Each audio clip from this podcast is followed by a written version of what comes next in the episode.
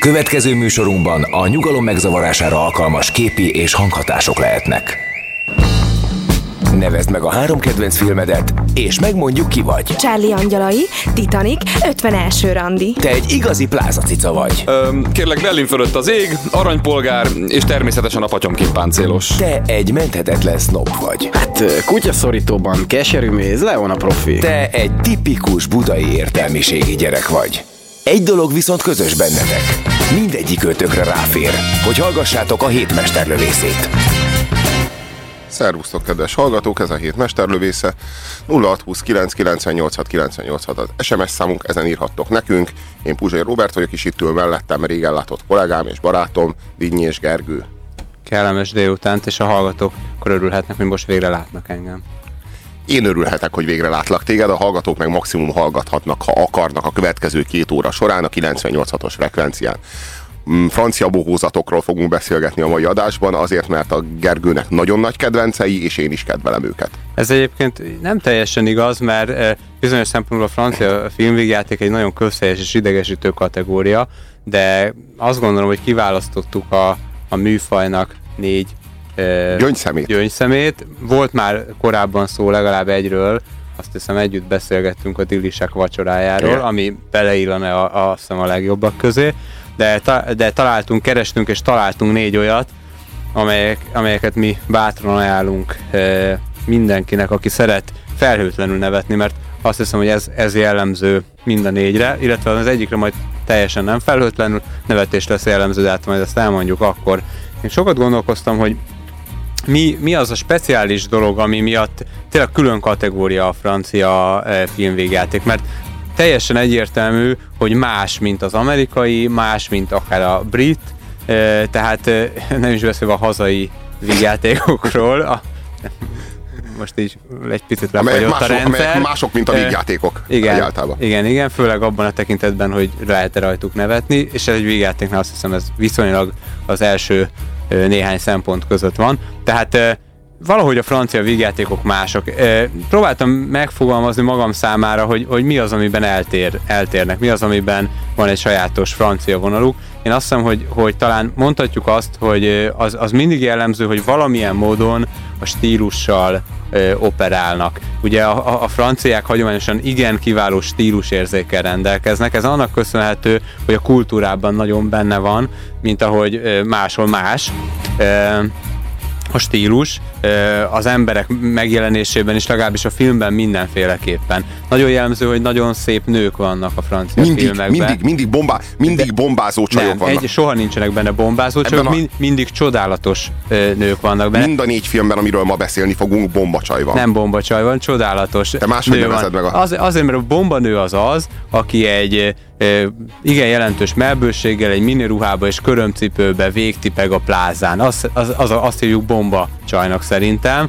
E, csodálatos nőnek pedig valaki olyas valakit, aki, akinek akinek van valami szépsége, ami megragad minket, ami ezzel a stílussal függ össze. Egyébként konkrétan, ha megnézzük a négy filmnek ezeket a szép nőit, ezeket a roppant vonzó hölgyeket, akkor szerintem jellemző, hogyha objektíve nézzük őket, akkor nagyon gyakran nem nagyon szép nőkről van szó, és ami azt gondolom a francia filmekben és így a francia hölgyekben is viszont jellegzetes, a, a, ismét csak a stílusérzék, borzasztó e, érzékük van ahhoz, hogy egyedien jelenjenek meg, és azt hangsúlyozzák egy-egy nőben, most, hogy ezt a nő maga teszi-e, vagy a filmnek a, a sminkese, kellékese, ami abban a nőben csodálatos. És hogy mondjuk hiszünk benne, hogy, hogy szinte minden emberben van csodálatos, akkor bizonyára minden nőben is van csodálatos szépség, de ezt zseniális módon tudják mondjuk egy, egy ilyen magas stílusérzékkel rendelkező filmben hangsúlyozni, de nem bombanőket fogunk benne látni, ne tévezz meg a hallgatókat, a bombanőket máshol lehet látni. Jó, az amerikai vígjáték az általában sokkal jobban pengére van írva, és pengére van feszítve, mint a húr.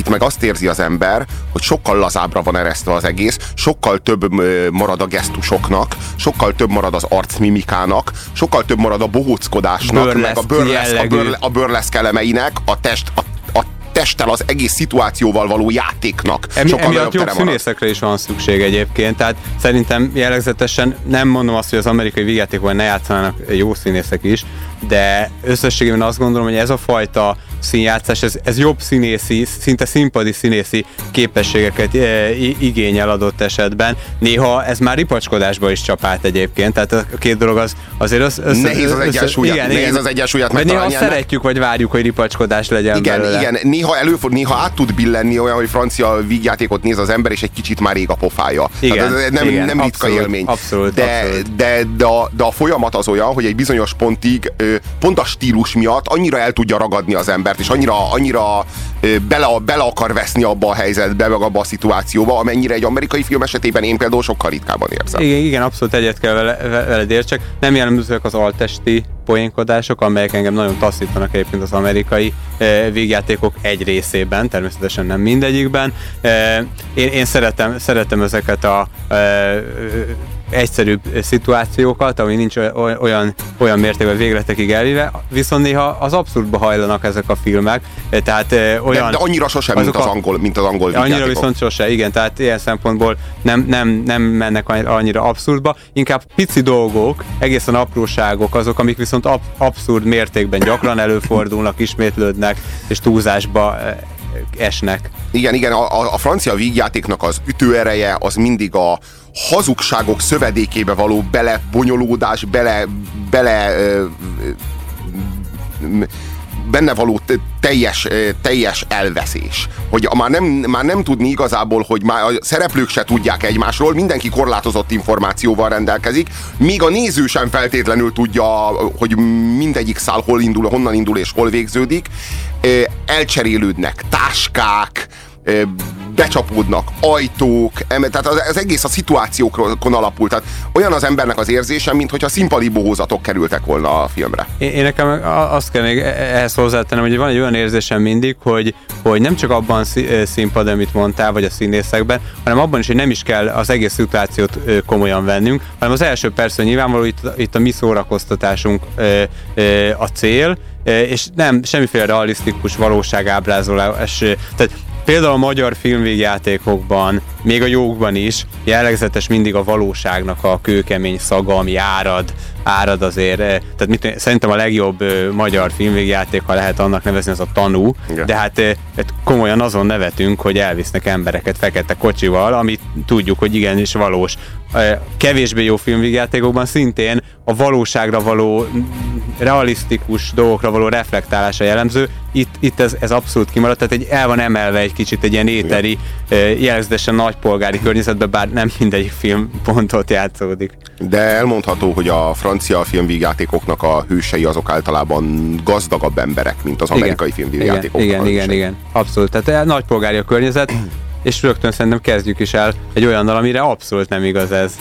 Ez a Pofa című film egy viszonylag új ö, francia filmvígjáték, 2003-ból Jean Renoval és Gerard Depardieu-vel, egy elég erős páros, és hát nyilvánvalóan az volt a cél, hogy ami ebben a két figurában, a két karakterben benne van, azt maximálisan hozzák ki, és írjanak egy olyan forgatókönyvet ehhez, amelyben mind a kettő a végsőkig tudja élezni a saját erősségeit, és azt gondolom, hogy ez sikerült. Hello. Kantem vagyok, Monterzsiból. Mit skubizol?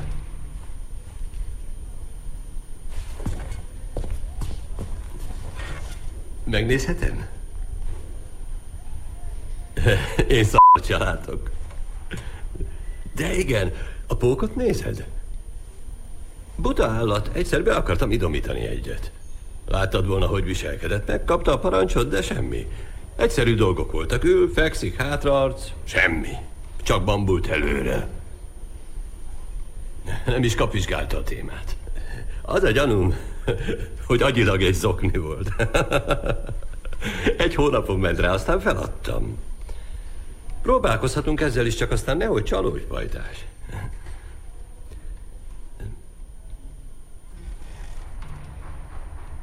Hogy neked milyen lószemed van? Én imádom a lovakat.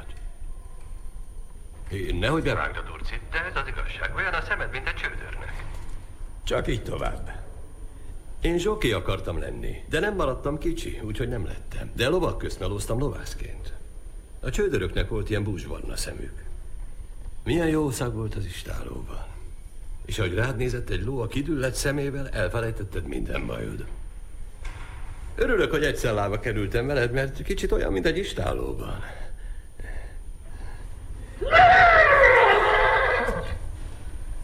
Ez egy szomjas ló nyerítése. Megmutassam, milyen ha sétálni akar?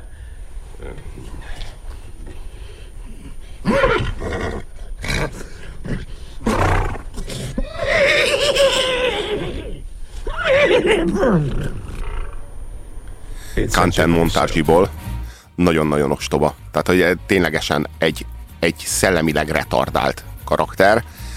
Azért csodálatos, mert a Depardieu az valami olyasmit rántott elő magából, amit én korábban soha nem láttam. És annyira édes, és annyira szeretnivaló, és annyira melegséges, meg bensőséges. Hát meg... az Obelisk.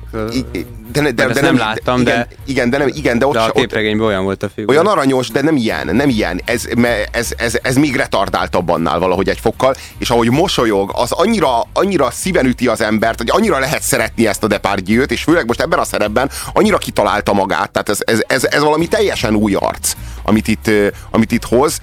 Röviden mondjuk el, hogy mégis mi a film alaphelyzet, mert azt hiszem, hogy semmiféle poént nem lövünk le vele. Hát ö, ö, Ruby, aki egy nagyon profi gangster, és egy lelkiismeretlen gyilkos, akit a Jean Reno játszik, ugye a Leona profi után el tudjuk képzelni. ugyanaz a figura. Igen, kb. az, kb. az a figura. csak profibb. Igen, nem, nem, a- nincs annyira lelke, mint annak. és a, és a, a kislány szerepében pedig Kanten Montargyi valakit a Depardieu játszik, ugye? Ez a, a, a, Egyébként más szempontból tekinthetjük az egészet a Szárakakuk fészkére francia változatának is. Igen, mert itt ö, pszichiátriai kezelés alá kerülnek mindketten egyébként. Igen. És va- vannak párhuzamok még, de Igen. azért, azért Most azt a vége felé ezek elmosódnak. Hallhattátok, hogy milyen ostoba. Tehát, hogy Kanten a pókot akarja idomítani, és utána azon röhög, hogy a pókot nem tudta, milyen ostoba a pók. és az, a, az az ő számára vicces. Hogy ő pedig adta a parancsokat. Igen, igen, igen, és fél évig próbálkozott, próbálkozhatunk ezzel is, csak aztán nehogy csalódj pajtás.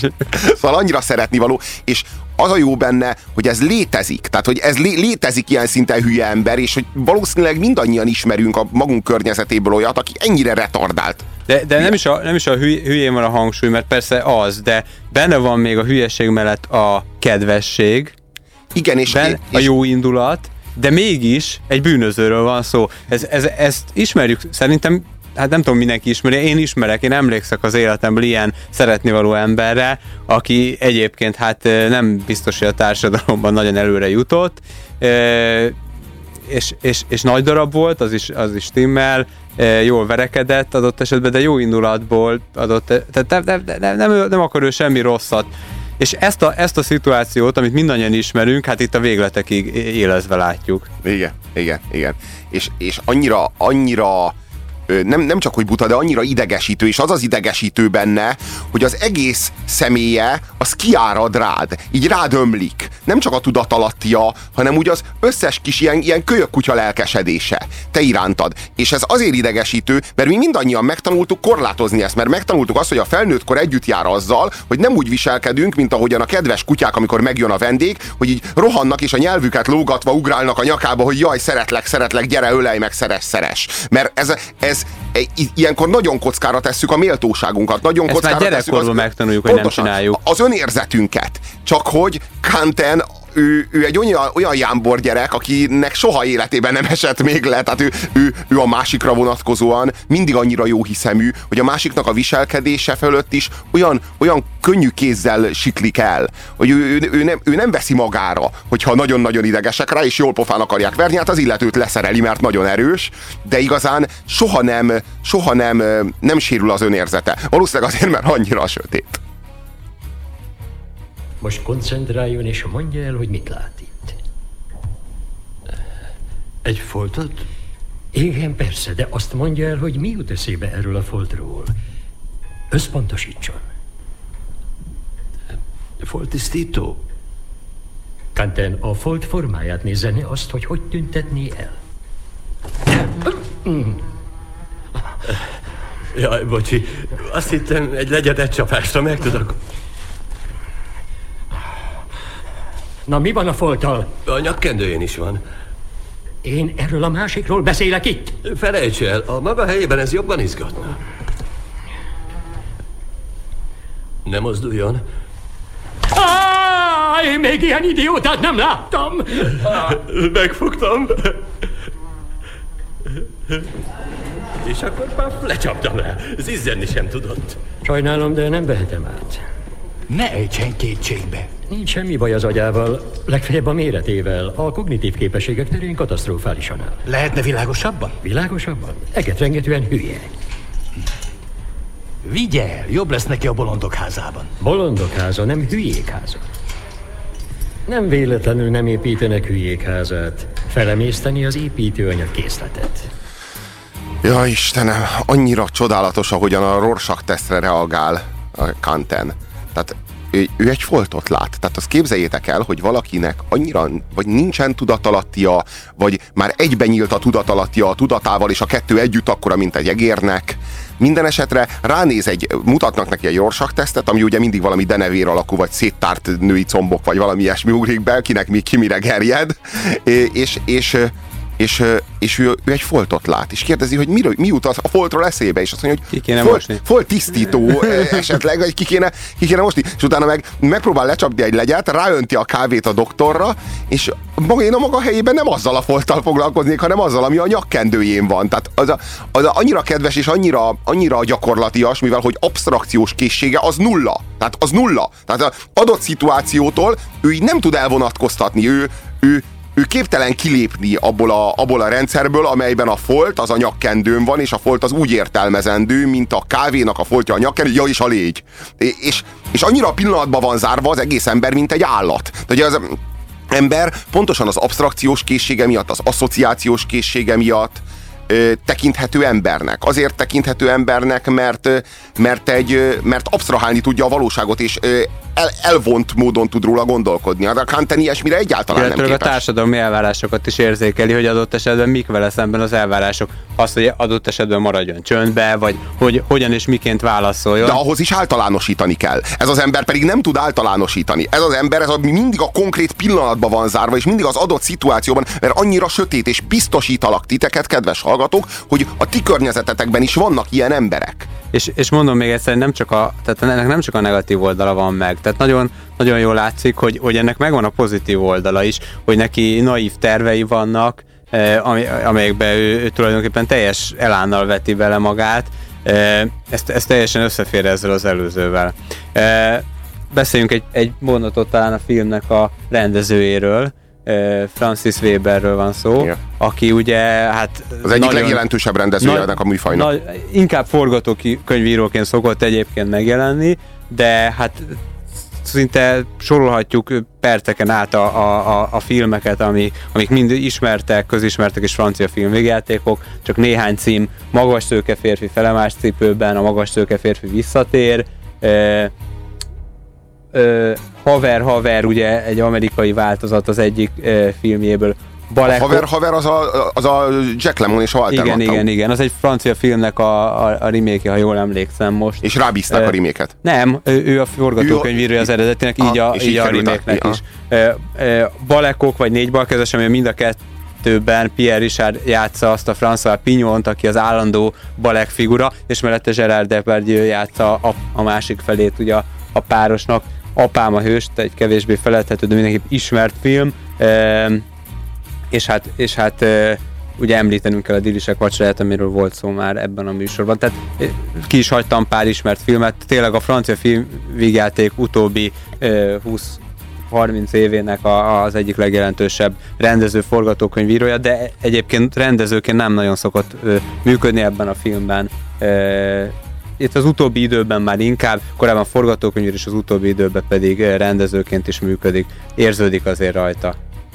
Mm, kaptunk néhány SMS-t. La Liberten, a Vágyforradalma című filmet ajánlja a figyelmünkbe a kedves hallgató. Hát azt én is nagyon ajánlom, mert azt én is láttam azt a filmet, és egyenesen kiváló. A Denis Diderotról szól. Már megvan két filmünk a következő négy francia filmvégjátékból, úgyhogy lehet, hogy elkészül a második adás is. Simán, mert, mert ezeket a filmeket, ezek a filmek azért nagyon változatosak tudnak lenni, tehát azért elég széles palettán tud, tudnak mozogni. Ez a vágyforradalma, ez azért nem annyira a szituációkra alapul, átalakuló vígjáték, tehát a, nem az a igazán tipikus francia vígjáték, aminek szerintem a, mégiscsak valahol, hogyha én, a, én a magamban vagy a múltamban a személyes prototípusát keresem, akkor az mégiscsak az éretlenek. Tehát legalábbis az én számomra. Én nekem az éretlenek, de egész biztos vagyok, az egy nagyon nagy kultfilm, egész biztos vagyok, hogy sokan vagytok. Az, kedves az hallgatók. életleneket sajnos megvétóztam, a Robi nagyon szerette volna, hogy legyen a mai adásba, de hát azt, azt nem Én, engedhettem. imád, én, én, én, imádtam azt, a, hát az egy gyerekkoromat bearanyozta. Így van, ez Az- az, tipikusan az a imádtam. film, amit a táborokban meséltünk egymásnak, hogy emlékszel arra a poénra. Én- Szenzációs. vagy- vagy Körülbelül a rendőrakadémia mellé helyezném. Ne vicceljél már. Na ne mondjad már. 0629 986 986 az SMS számunk. Az éretlenek az a ti számotokra is egy fontos élmény, mert az én gyerekkoromnak az egyik meghatározó élménye, és egy Na, csomó de minden... várjál, most lehet, hogy nagyon sokaknak a rendőrakadémia is az. 0629 986 986 Rendőrakadémia versus éretlenek. Mi, mi a dilemma megfejtése ti szerintetek? Kaptunk további SMS-eket. Az amerikai vígjáték olyan, mint a szakácskönyvből főző konyhafőnök főztje, szemben a franciával, amit egy bohém séf készített. Ez azt hiszem, hogy elég jó leírás, már csak azért is, mert illeni, illeszkedni fogadtam Atékán. A legjobb a kellemes húsvéti ünnepeket, amit ti utáltok, igaz? De szó sincs Én róla. ki- kifejezetten kedvelem. Én, én nagyon szeretem, és már volt is. Sajnos már az is el lett sütve, mint ahogy a Montreali bankrablás is, amelynek Igen. szintén Francis Weber a forgatókönyvírója Igen, el lett igen. sütve. Az tehát Mind a kettő, a Montreali bankrablás is zseniális a, a Belmondóval, és, és a kellemes húsvéti ünnepeket meg talán még egy fokkal jobb film. Hát én szerintem fordítva a Montreali bankrablás a jobb, de mind a kettőt szeretjük, tehát nem tudom miért utálnánk. De semmi okunk nem lenne. Ide hallgass, Montázsi. Nem, Kanten. Montázsi a szülővárosom. Pofa be, pontosan tudom, hogy ki vagy te. Egy figyfasz zsarú bérenc. Megszöktettél, hogy elvezesselek a dohányhoz. Csak adod a hülyét, de ott basztad el, hogy túljátszottad. Ilyen kevés neuronnal ember nem születik. Engem nem versz át. Tudom, hogy intelligensebb vagy a látszatnál. Gondolod? Igen, sokkal intelligensebb. Most meg mi van? Ó, semmi, semmi. Még senki sem mondta, hogy intelligens vagyok.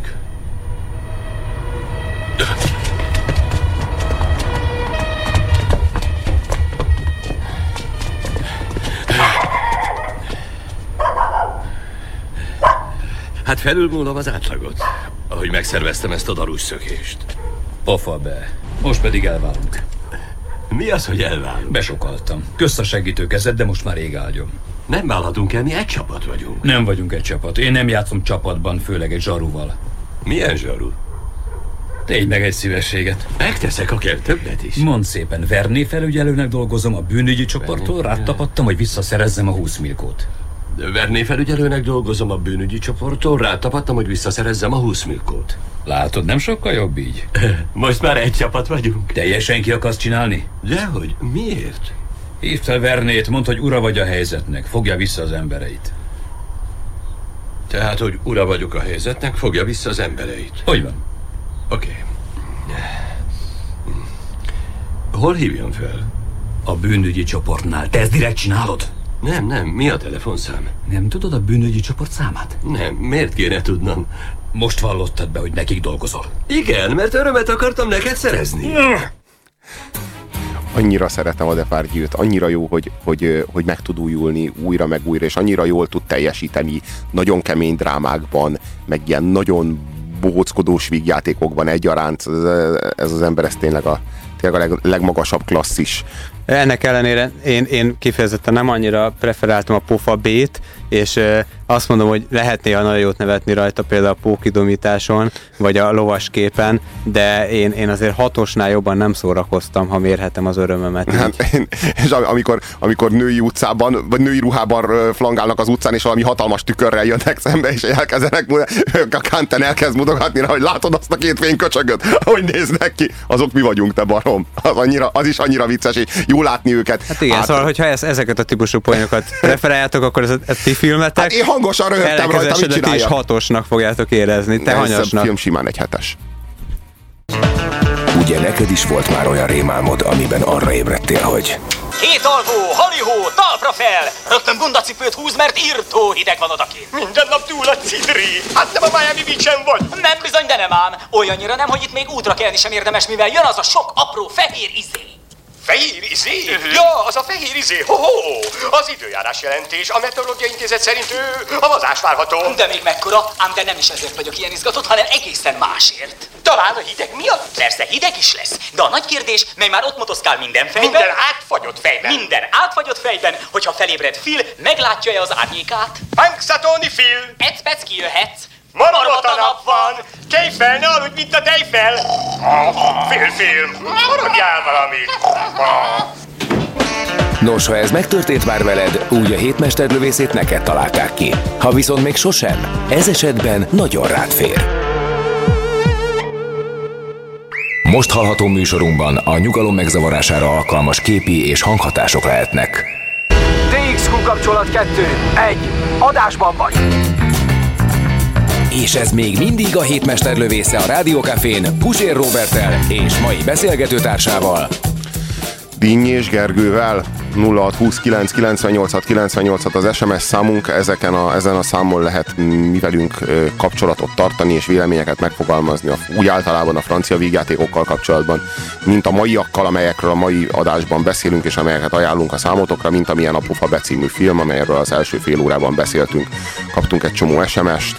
Gergő, de jó újra hallani a hangodat ebben a műsorban. Nagyon szépen köszönöm. Hát így négy hónapos távoldét után kaptam egy ilyen SMS, de képzeljétek, mi lenne, ha a Robi négy napig, vagy négy hétig nem lenne, hát akkor milyen SMS áradatot kapnánk. Erre nem, rea- nem, nem reagálok. Marha konzervakció. Na igen, az, az, az nekem, az nagyon, nem be, láttam. nekem, az nagyon, na, nekem az nagyon tetszett. Igen, De az lehet, egy hogy akkor a, már megvan a harmadik film is Megvan a, a harmadik, igen. a következő egy, adásra. egy, egy ilyen adást végigcsinálni, az nyilvánvaló újabb, újabb filmeknek, meg ötleteknek a bezsákolásával jár, és ilyenkor összeáll, simán összeáll a fejben egy, egy-egy újabb adás. olyan Ez már nagy több, baj ez. több ízben előfordult. Az éretlenek a legnagyobb, bármikor, bármennyiszer. Szerintem a legjobb francia vígjáték ever, a félénk vagyok, de hódítani akarok. A- Az valóban nagyon jó. Egyetlen oka van, hogy, hogy nem került be a mai négyesbe, elárulom, hogy nem került be, mert számomra van egy még kedvesebb Pierre Richard filmvégjáték, és ö, mondjuk egy, egy, egy orhosszal megelőzve az került be. És feldobom a tányért, elmosom a tányért, csurgatom a tányért, kész van a tányér. Leesik a tányér. Igen. Helyei László hangja isteni, imádom. Hát igen, a Depardieu-nek annyira kötelező. Egyébként jellegzetes, hogy a francia filmszínészeknek tipikusan megvan mindig a magyar párjuk, és hát akkor el is árulhatjuk, hogy, hogy a következő magyar hang az Balázs Péter lesz egyébként. Szóló és Nyuszmad írt nekünk SMS-t, azt írják, a párommal együtt mindkettőnknek meghatározó élménye volt az éretlenek. A rendőrakadémia a fasorban sincs. A, azzal egyetértek, hogy a rendőrakadémia a fasorban sincs, az éretleneket meg majd lehet, hogy újra nézem, mert én még éretlen fejjel láttam. Először is házi buli, aztán éretlenek. Mindenki imádta, igazi közösségi élmény volt. Nem ismerem még egyszer megnézni, félek a csalódástól. Hát esetleg javaslok egy olyat, hogy a, a nem tudom, a hölgy írta-e, hogyha hölgy volt, akkor hívd össze a barátnőidet egy pizsoma partira, és akkor szerelem első vérig házi buli, és akkor azt hiszem, hogy, hogy aztán ezt aztán 30 évig nem is fogod újra kívánni. Azt írja a kedves hallgató, hogy ő ugyanúgy járt a Hazád megye lordjaival, hogy az nagyon kemény pofon volt neki 20 év után. Én nem kaptam meg a dózist annak idején, úgyhogy bennem nincsen, nincsen ilyen jellegű nosztalgia, és lehet, hogy ezért hálát adhatok a jó sorsomnak. Én nekem nincs nosztalgiám a saját nosztalgiám irányába, lehet, hogy ez a baj. Szóval a Szárnyát vagy Combját című filmről fogunk beszélgetni a következő. Igen, szerintem ezt a Balázs, Balázs Péter nevéből már ki lehetett találni. Igen, a nagy ho-ho-ho horgász nyomdokain járunk.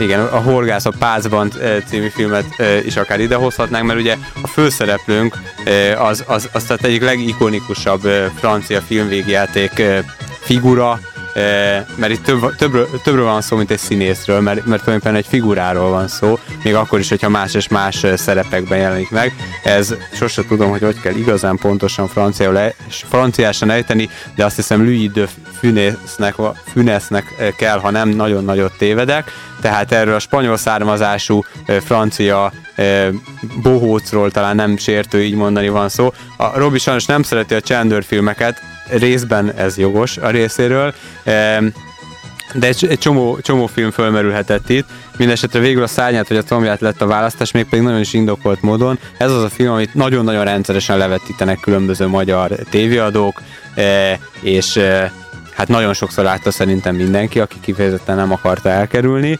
de az az igazság, hogy nekem egyre jobban tetszik, tehát eleve is tetszett, de, de mindig találok benne olyan kis finomságot, olyan élvezetet, amit korábban nem. Még azt mondanám, hogy, hogy komoly társadalomkritikai éle is van a filmnek. Am, amit én a The Funes életműből nagyon kedvelek, az a Fantomas. Nekem a Fantomas a, a, a kulcs. Tehát az annyira az, ö, mm, az, az a szerintem ott, ott hozza ki magából a legtöbbet, ott, ott van a csúcson, mert, annyi, mert ott a cselekmény annyira nem ő ráépül, és annyira nem az ő, ő, nem ő mozgatja a szálakat, és ott, ott tudja szerintem a legtöbbet kihozni magából. A, szerintem a, a csendőr sztorikból azok túl, túl lettek facsarva, azok túl lettek húzva, tehát azok, az, azokban, azokban már, már nem volt annyi, közel sem volt annyi. Ami a szárnyát vagy combját illeti, az egy, az egy nagyon-nagyon érdekes körülmények között készült, mert ugye a stúdió nem akarta vállalni. Hát az a sztori, ugye, hogy e, volt egy, volt egy szívinfarktus a Finesznek, és és hát már senki nem akart pénzt adni arra, hogy, hogy őt meghalljon a forgatáson, és végül sikerült valami egyességre jutni, és úgy forgatták le ezt a filmet, hogy végig mentő orvosok álltak készenlétben, és hát ha megnézi valaki a filmet, látható, hogy valóban nagy igénybevétel, tehát sosem úgy mozgott a, a vásznon Louis de Finesz, hogy, hogy, hogy visszafogta volna magát, tehát inkább az őrjöngő őrület jellemzőre, ezt szeretjük benne. De beszéljünk egy picit arról, hogy miről is szól ez a film, vagy mi ez a film tulajdonképpen. Hát ez egy nagyon lopkrit film, hogy furcsa erről beszélni, egy 1976-os film esetében, de már 76-ban láthatóak voltak azok a jelek, amelyek az, a lokális helyi kultúráknak a visszaszorulásával és a globális tömegkultúrának az előretörésével járnak. És az erre utaló nyilvánvaló jelekre a francia nagypolgárság az nagyon-nagyon érzékeny volt, és nagyon-nagyon érzékenyen reagált. És ez a film, ez a bohózat, ez tulajdonképpen valahol egy szatíra is egyébként, amely, amely be, bele, belepróbál találni ennek a kérdésnek a középpontjába, és, a, és, és, és ezt próbálja feltárni. Nagyon-nagyon vicces eszközökkel, de meglehetősen maró kritikával. Én, én azt gondolom, hogy egy, hát ha valaki nem látta, mondjuk el nagyon röviden, hogy miről szól a film. A főszereplő az nem más, mint az a könyv, könyv szerkesztő, könyv szerkesztő csapat vezetője és író, aki megír minden évben egy, egy olyan könyvet, amely összefoglalja az összes franciaországi étteremről az ő véleményét. Olyan, mint a Michelin katalógus. Olyan, mint a Michelin csillagokat osztogató Michelin katalógus, és hát kíméletlenül beolvas azoknak az éttermeknek, ahol rossz a minőség, már pedig aki kritikus, az gyakran talál hibákat. Ebből számtalan nagyon vicces jelenet adódik, ugye áruhában kell mennie, stb. stb. A, a másik oldalról az, az ő antitézise tulajdonképpen, az nem más, mint Trikatel, a, az nagyiparos, aki egy gyárban gyártja le az ételeket, és ugyanazt az egyen kaját akarja az összes, korábban ugye csak országúti bisztrókat, de most már az éttermekben is ezt akarja adni a, az, az, az embereknek, és azt gondolja, hogy ő ilyen módon táplálja majd a világot. De igazából, ez a, igazából a szárnyát vagy combját az egy, egy bohózat keretei közé ültetett tiltakozás és demonstráció a tömegétkeztetés gyakorlata ellen. Hát illetve még súlyosabb dologról van szó, mert, mert az iparosodása a konyhának. Ugye a, a, a, a jó étkezés és a konyha az művészet tud lenni. Ugyan Magyarországon erre ráfogták, hogy sznobizmus, nyilvánvalóan azért ennek voltak volt ebben szerepe az itt állomásozó szovjet hadseregnek, hogy, hogy ez hirtelen sznobizmus lett, de szóval én azt gondolom erről az egészről, hogy valahogy a, az ételekkel és az étel élvezetével hasonlóan van, mint a szexualitással, hogy lehet ezt egy, egy intimitásban, hát azt mondanám, művészi érzelmek megélésével, művészi módon csinálni, illetőleg van a pornográfia, amely tulajdonképpen ugyanazoknak a szerveknek a használatát jelenti, de az egyiket legyártják nagy tömegben, esetleg egy primér érzésre hat, tehát mondjuk az éjséget csillapítja ilyen értelemben, de semmi köze nincs se a intimitáshoz, se a művészethez, stb. És itt tulajdonképpen a, a, a, a szexualitás, az erotika az ételben, és a pornográfia az ételben harcát látjuk. Azért mondom ezt a példát, mert sajnos Magyarországon többet kapunk az ételek tekintetében pornográfiát, mint erotikát, ezért mondom ezt a talán mindenki által jobban ismert hasonlatot. Csak egy megjegyzés, olyan gyakran hallom azt Magyarországon egy étteremről mondott véleményben, hogy mekkora az adag. Ugye érezzük a párhuzamot, hogy, hogy nem feltétlenül az adag mérete, nem azért az, és, járunk az, téged- és az téged nem irritál, amikor egy hatalmas nagy tányérnak a közepére egymás mellé leraknak két diónyi méretű húst, meg egy diónyi méretű krumplit, a vagy mű, valami művészet ilyesmit. része a feszültségkeltés, ezt jól mondod, tényleg zseniális. Igen, csak aztán Szeretem- 6000 forintot kell fizetni egy A baj tányérért. az, ha ez csak egy üres gesztus, és utánoz, utánoz egy másik ö, hasonlót, aki ezt valamilyen indokból megcsinálja.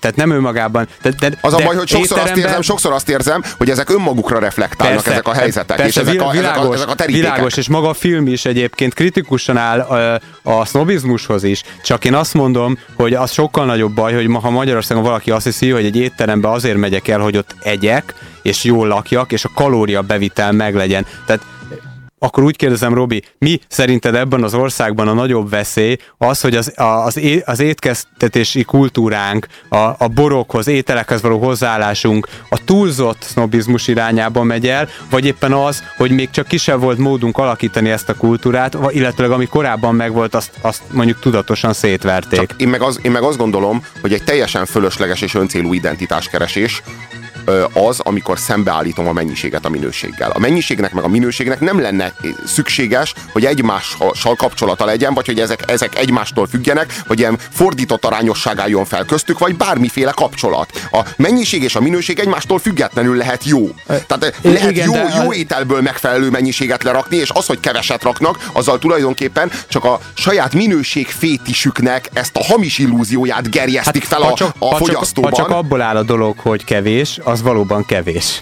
Akkor ezzel, ezzel így egyetértek, de a, a fordítottja szerintem gyakoribb, hogy odapakolják a nagy kaját, csak jól is lakok vele, sőt, De le azt se lássuk, bírom azt, nyelni már a lássuk, végén. lássuk, hogy a jó az az, amikor a mennyiség és a minőség egymással kézenfogva és in- megfelelő. indokolják egymást kölcsönösen. De ebből Világos. ennyi a jó. Egyet, egyetértünk. A könyvkiadást minden évben egyszer óriási esemény hozza lázba. Néhány nap alatt milliós példányszámban hagyja el a nyomdát egy könyv. Nem holmi befutott íróregénye ez, hanem egy utikönyv, pontosabban a nevezetes Düsemen utikönyv. Egy meghatározott napon, ugyanabban az órában jelenik meg valamennyi könyvkereskedés kirakatában a híres vörös-kék fedelű kötet. Sok százezer példány indul el szerte a nagyvilágba azokhoz a turistákhoz, akik Franciaországba készülnek. Ez a könyv lesz az ő bibliájuk. Elhiszik minden sorát, és így vakon adják ki sok-sok dollárjukat, fontjukat, eszkudójukat, rúbeljüket vagy más devizájukat a francia konyhaművészet legfinomabb falatjaiért. A nagy napilapok a címoldalon közlik, hogy hány étterem kapott egyel több csillagot.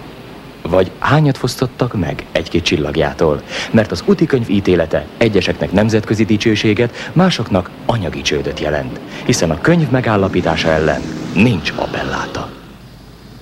De mindegyik étterem, bármilyen legyen is a hírneve, mindegyik retteg a híres utikönyv inkognitóban megjelenő szerkesztőinek a látogatásától. És kritikus, kritikus azért a, a film ezzel a, ezzel a mentalitással szemben, és tehát igazából nincs jó megoldás, és mutat egy harmadikot, tehát a negatív hős a, a gyáros, a pozitív az a, az a, a nagyon odafigyelő ultrasznob étterem kritikus, de azért van egy igazi pozitív hős, a, ugye a fia, aki bohócnak e- e- áll, mert bohócság ez az egész, Igen. ő pedig tényleg bohóc akar lenni. Igen. E, úgyhogy, Reflektál önmagára, azt reflektál lehet mondani, és önmagára, azért is nem igen. elfogulatlanul hirdeti ezt a, ezt a francia konyha dicsőségét, illetőleg a, a kulináris kultúra fontosságát, nem valamilyen... Igen, és pontosan a gyerek miatt, a gyerek lázadása miatt, meg a gyereknek a cirkuszhoz, mert a cirkusz az egy ilyen eléggé proli világ. Lássuk. ez egy nagyon proli cirkusz, ez egy vándor cirkusz. Igen, igen, igen. Tehát ebben, ebbe, ráadásul még a, proli, pro, pro, pro, a, a, a cirkusz alapban egy proli dolog, és akkor a, a, a, a proli, bár nem feltétlenül, hiszen a Cirque de Soil, vagy so, Soleil, a, a, a, az, az, az egy ilyen nagyon nagy polgári Na cirkusz. jó, de itt könyörgöm, ez egy, egy, plü- egy, plüss izébe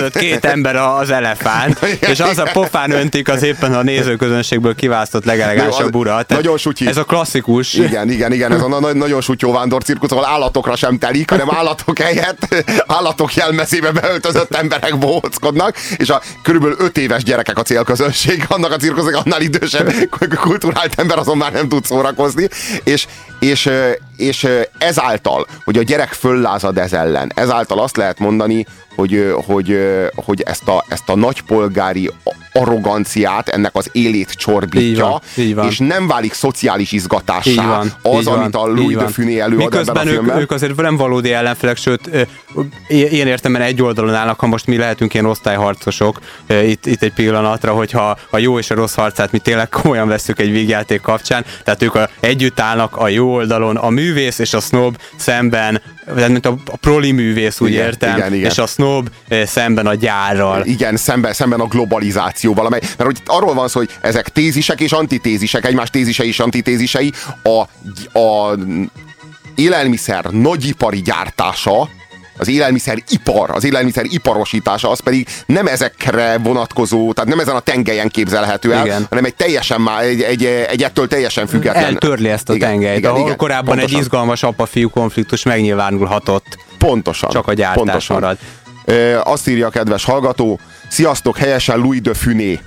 A pofa be önfelett nevetést vált ki újra, meg újra, mert szeretetre méltó. Abszolút egyetértünk. Először, el, még egyszer elnézést, ha nem jól ejtem a... A Döfüné szerintem abból, abból adódik a dilemma, hogy itt most vajon a spanyol, spanyolül, vagy pedig francia. Mert ha francia, meg- akkor Meg Döfüné. kell mondjam, hogy direkt utána néztem, tehát nem teljesen uh, indokolatlanul mondtam úgy, ahogy mondtam, de szerintem ne vigyük el ennek a vitának az irányába a műsort, már csak azért is, mert a filmben van néhány olyan jelenet, ami megér egy külön uh, pár szót, ugyanis nagyon sok a kedvence, és azért létezik jó magyar filmvégjáték, a Macskafogó, és nem tudom, hogy ki az, aki észrevette, én, én mindig észre szoktam venni, hogy egy az egybe e, innen van egy, egy nagyon-nagyon kulcs jelenet, ugye a Safranek és Mr. Tyfel jelenete, az Egy ebben az a filmben van Igen. benne, de nem is titkoltam, még talán a ruha is ugyanolyan a, a Safraneken, mint És itt a... ahogy fenyíti a főnök a beosztottját, egy az egybe, igen, igen, tehát ez azonnal levágós. aki szereti a macskafogót, már csak ezért az egy apró jelenetért. Illetőleg a másik, hogy eh, mondtad, hogy tele lesz nagyon szép eh, nőkkel az- összes.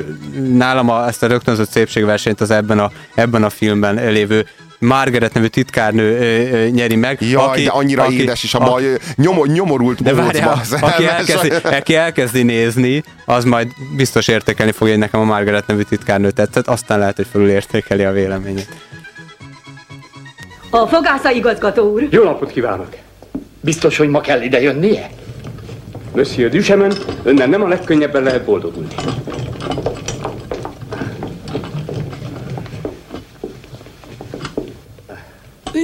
Nem tudna holnap visszajönni, mert ma úgy érzem... Monsieur Duchemin, elhoztam az egész rendelőmet. Ah, gondolja, hogy szüksége lesz ennyi minden? Hát, dehogy. Nyissa ki a száját, Monsieur Duchemin. A száját? A száját? Néhány aláírás igazgató úr, a postának feltétlenül el kell mennie.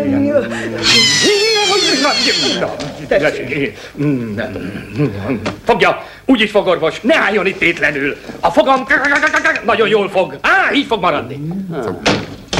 Egyébként eh, ugye a Michelin csillag kapcsán ebben a rádióban is elhangzott, hogy, hogy eh, egy Michelin csillagnak a megszerzése az egy nagyon jó dolog, de kétszer ilyen rossz, ha valaki elveszít egyet. Érdekes dolog a sznobizmus, tehát azért itt a divatról kőkeményen szó van. Ugye, ha egyszer bejössz a divatba, a, addig van remény, hogy te majd feltörekvő és jó leszel, és jó vagy, csak meg kell szerezni az elismertséget, de ha egyszer kimegy valaki a divatból, akkor annak vége. Szóval a sznobizmusnak rengeteg csapdája van, az, amit a Robi mond, hogy az, az, azáltal csinálunk finom ételt, hogy ugyanazt az ételt berakjuk egy bazin nagy tányérra, és ötödére csökkentjük, és, és akkor már nagyon jól néz ki. Hát egy jó példa szerintem a magyar bor esete, ahol, ahol a palackok címkéi és csomagolásai, azok olyan viharos sebességgel érték utol, és adott esetben néha még előzték is meg a világtrendeket, hogy tényleg szuper dizájnú címkéket lehet látni, hasonlóan a névadásban, csak hát a palackban töltött termék, ami gyakran jó, tényleg jó, az messze nem követte olyan sebességgel a, azért a világot, mint ahogy, ahogy a címkék.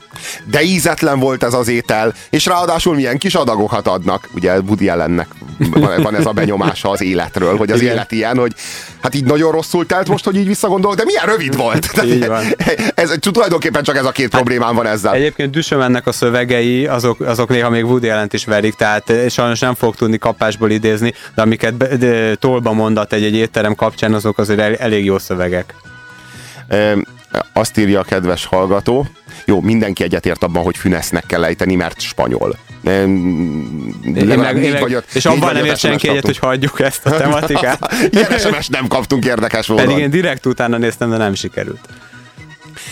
Az az igazság, hogy, hogy ez a, ez a film, ez, ez azért is nagyon szórakoztató, mert nem kizárólag a, a Louis de Funesnek ezekre a, a, Őrjöngésére. a őrjöngésére, bohóckodására, az arcmimikájára, a gesztusvilágára épül, hanem van egy autonóm sztori, és akkor azon belül természetesen a de Funes az kiválóan tud, tud lubickolni ebben, ahogyan szokott, de, de itt, itt, itt van egy koncepció, és, és, és e- ezek mindig, ezek mindig a legerősebb pillanatok, amikor a De Funesnek a, a géniusza, az találkozik egy erős forgatókönyvvel és egy erős sztorival. Szeretnék valamit mondani a megmondó emberekről, mert ugye a Sár Düsömen egy megmondó ember ebben a filmben. Ő megmondja egy étteremről, hogy milyen. És egy csomót gondolkoztam már ezen a, a témán, mert ez érdekes, és Magyarországon a rendszerváltás után a, előtte a tekintélyek voltak, és utána jöttek a megmondó emberek. Például itt van mellettem egy, egy legmegmondóbbak megmondóbbika, de, de, de még azért lehet, hogy a Robinál is vannak nagyobb megmondó emberek. Lemondok.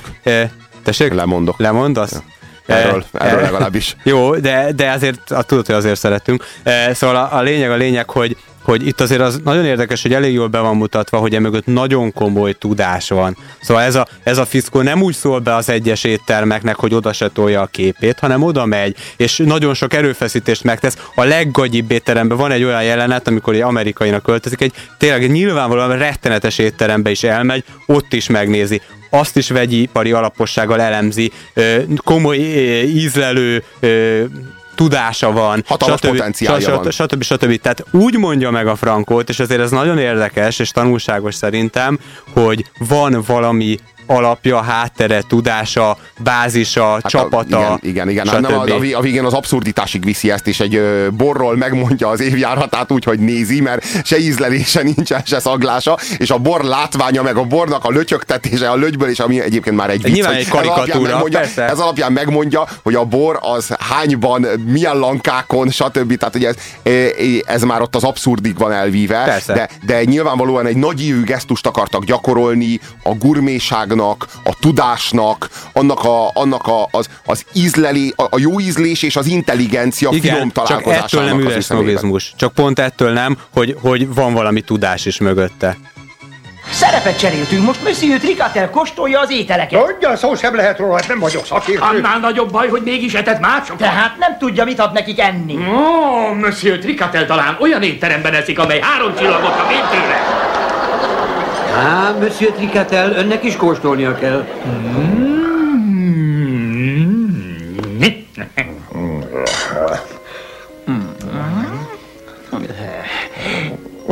Egyet csak meg. Mm.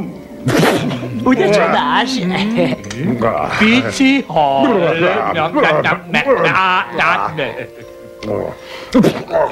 Jó, ha most megkérem, mondja meg a véleményét mindarról, ami itt van. Még minden rohadt! Ehetetlenül büdös! Meg akartak mérgezni! Ez nem ennivaló! Pontos. És mindezt ön gyártotta, és sok millió embert ezzel táplál naponta. Képtelenségről egyetlen szava sem igaz! Az öngyárában szedtük össze egy óráját. Nem igaz! De igaz, és maga is tudott róla. Ugyan kérem, hát hogy tudhattam volna róla? Monsieur Bouvard, levetíthetnénk azt a kis filmet, amit az adás előtt vettek föl. Vetítsék. Két embernek sikerült behatolnia a gyár belsején. Adják át őket a rendőrségnek. A személyleírás alapján a két ember Düsömen és a fia. Na, most figyeljen. Most. Düsömen jelenleg a gyárban van. Ahogy mondja. Szóljunk a rendőrségnek. Megbolondult mindenáron, meg kell akadályozni, hogy kijöjjenek. Úgy érti, hogy... Könnyen lehet néhány újabb doboz konzervet készíteni, nem? Még egy James Bond filmet is kapunk a pénzünkért, ez a jó benne. Zseniális a gyár, De- egy, ilyen- egy antiutópiát is kapunk a pénzünkért. Egyébként ö, De, tetszik, de, ez a, de, ez a, de, de, de, ez a, de ez, a, ez a gonosz őrült, aki az egész világot akarja, ez annyira James Bondi, és, a, és a, ők ketten, akik beszöknek, ugye az apa és fia a két düsömen, ők pedig hát ma, maga Bond, ez tök egyértelmű. Én, nekem meg nagyon imponál az, hogy, hogy itt tétje van a dolgoknak. Egy olyan dolognak, ami csak egy jelentéktelen apróság, hogy finoman, finomat és színvonalasan étkezünk, és legyen kulináris kultúránk, de itt föl van adva élet és halál szintjére a tét. Nálam ez a film legalább egy nyolcas. Hmm, én azt mondom, hogy ez a film akár jobb, mint hetes. A hét és félig is Aki nem látta, nézze meg. De ez jó film. Ugye te is elgondolkodtál már arról, hogy hol rontottad el az életed. Miért kellett nekem pont a rokszakmát választanom? Igaz? Valamire érdemes szakosodni. Pedig lehettem volna akármi, lehettem volna halász. A halászok ugyankor a hajnalban kelnek. Halásznak, eladják a halat, halszagúak. Egy lány jut eszembe, akivel jártam, Ivon. Ő is halszagú volt. Úristen! Valaki lelőtte a hangmérnökömet! Nos, ha ez megtörtént már veled, úgy a hétmesterlövészét neked találták ki. Ha viszont még sosem, ez esetben nagyon rád fér. Most hallható műsorunkban a nyugalom megzavarására alkalmas képi és hanghatások lehetnek. DXQ kapcsolat 2. 1. Adásban vagy. És ez még mindig a hétmesterlövésze a Rádiókafén Pusér Robertel és mai beszélgetőtársával.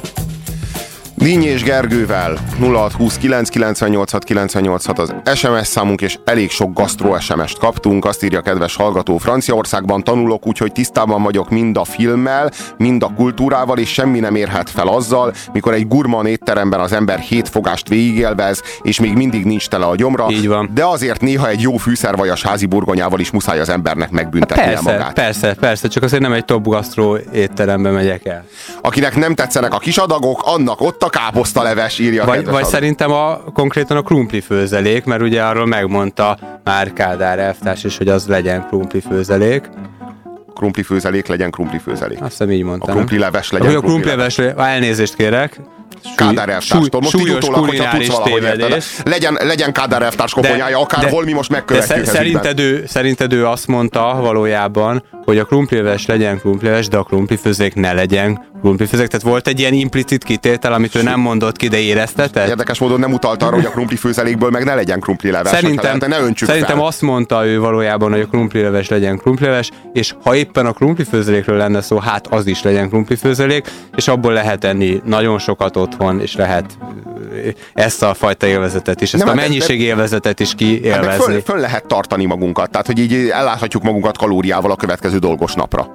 A világ egyik leghíresebb étterme a katalán El Bulli, írja a kedves hallgató, és íme a mennyiség paradoxona. Minden vendég gyakorlatilag ugyanazt kapja, az összes apróságot beleszámítva 35 kis fogásból áll az, az ételsor. Így van. van, amelyik épp csak egy falat, van, amelyik adagnyi. Ha ne- ha ne- Vigyázni kell, aki mindent eltüntet a tányérról, az a felénél fel fogja adni, írja G. Ez, ez abszolút így van, Eh, ha nem tévedek, akkor molekuláris gasztronómiáról beszélünk, de ebben most ne is menjünk bele, meg ráadásul lehet, hogy összekevertem most a dolgokat. Kocka alakú tyúk és tojás, persze így könnyebb dobozolni, zseniális. írja. Zseniális és ördögi is, és az élet utánozza a művészetet. Nemrég láttam a videót, hogy hogyan gyártanak hamis tojást kemikáliákból, és valóban, mint a Trikatel. Dr. Harsing Lajos magyar fordításai, Igen, poénjai Igen, őt, őt, őt, azért nem említettük meg kizárólag, mert a következő filmnek is ő a fordítója, dr. Hársing Lajos, aki a Fülesben is cikkeket jegyzett. Tényleg rengeteg kis apró nyelvi poént, ami az eredetiben is megvolt, csak persze egész máshogy, mert más a nyelv. Azt, azt, azt, azt becsempészett, és nagyon szeretjük szerintem a fordításait, még ha nem is mindig tudjuk, hogy ő volt az úgymond elkövető. Kolus is nagy figura volt Franciaországban, igazi bohóc, humorista, színész, jótékony kajalánc alapítása voltak olyan húzásai, mint 81-ben elnökjelöltnek jelentkezett, mindig agyaló aktív arcok egyike. Ő volt a fiú ugye a filmen, sajnos mindkét főszereplő ö, már elhunyt azóta. Sajnálhatjuk, mert azt hiszem, hogy elég jó párost alkottak.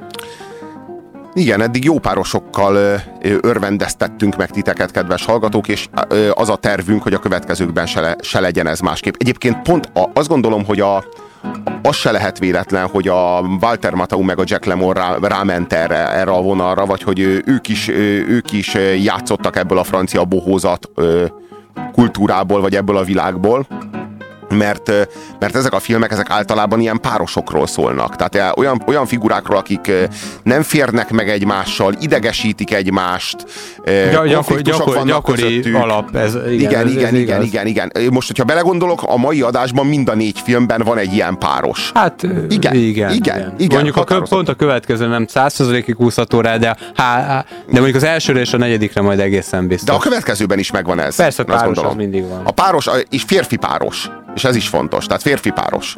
Mindig.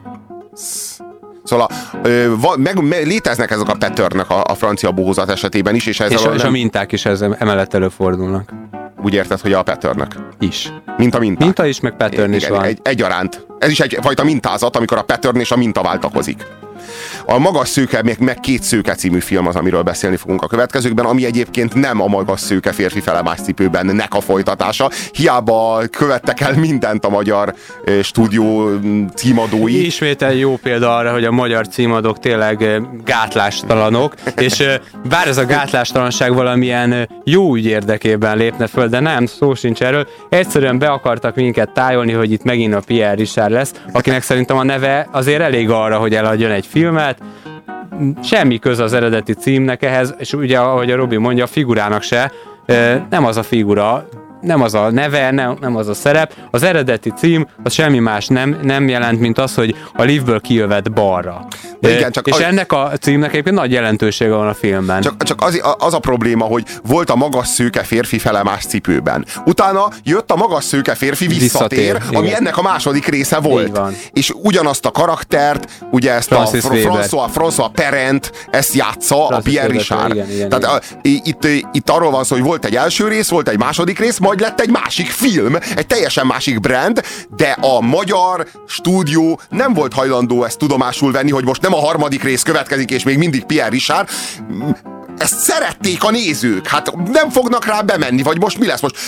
Világosítsuk fel a nézőt már a kezdet-kezdetén arról, hogy ez nem ennek a sorozatnak a harmadik rész. Hát ilyet nem tehetünk velük. Ezt Legyen ez a magas szőke, plusz két másik szőke, legyen ez a címe. Jó Igen, lesz? Jó, hogy nem Terminátor 4-nek nevezték el. Elnevezhették volna Terminátor 4-nek akár, de komolyan ugyanezzel az erővel, hiszen még többen mentek volna az évbe, hogy megnézzék. Pláne, hogy ezek, amikor készült, még azt mondom, hogy az egynél tartott az eredeti sorozat. tehát- Annál inkább.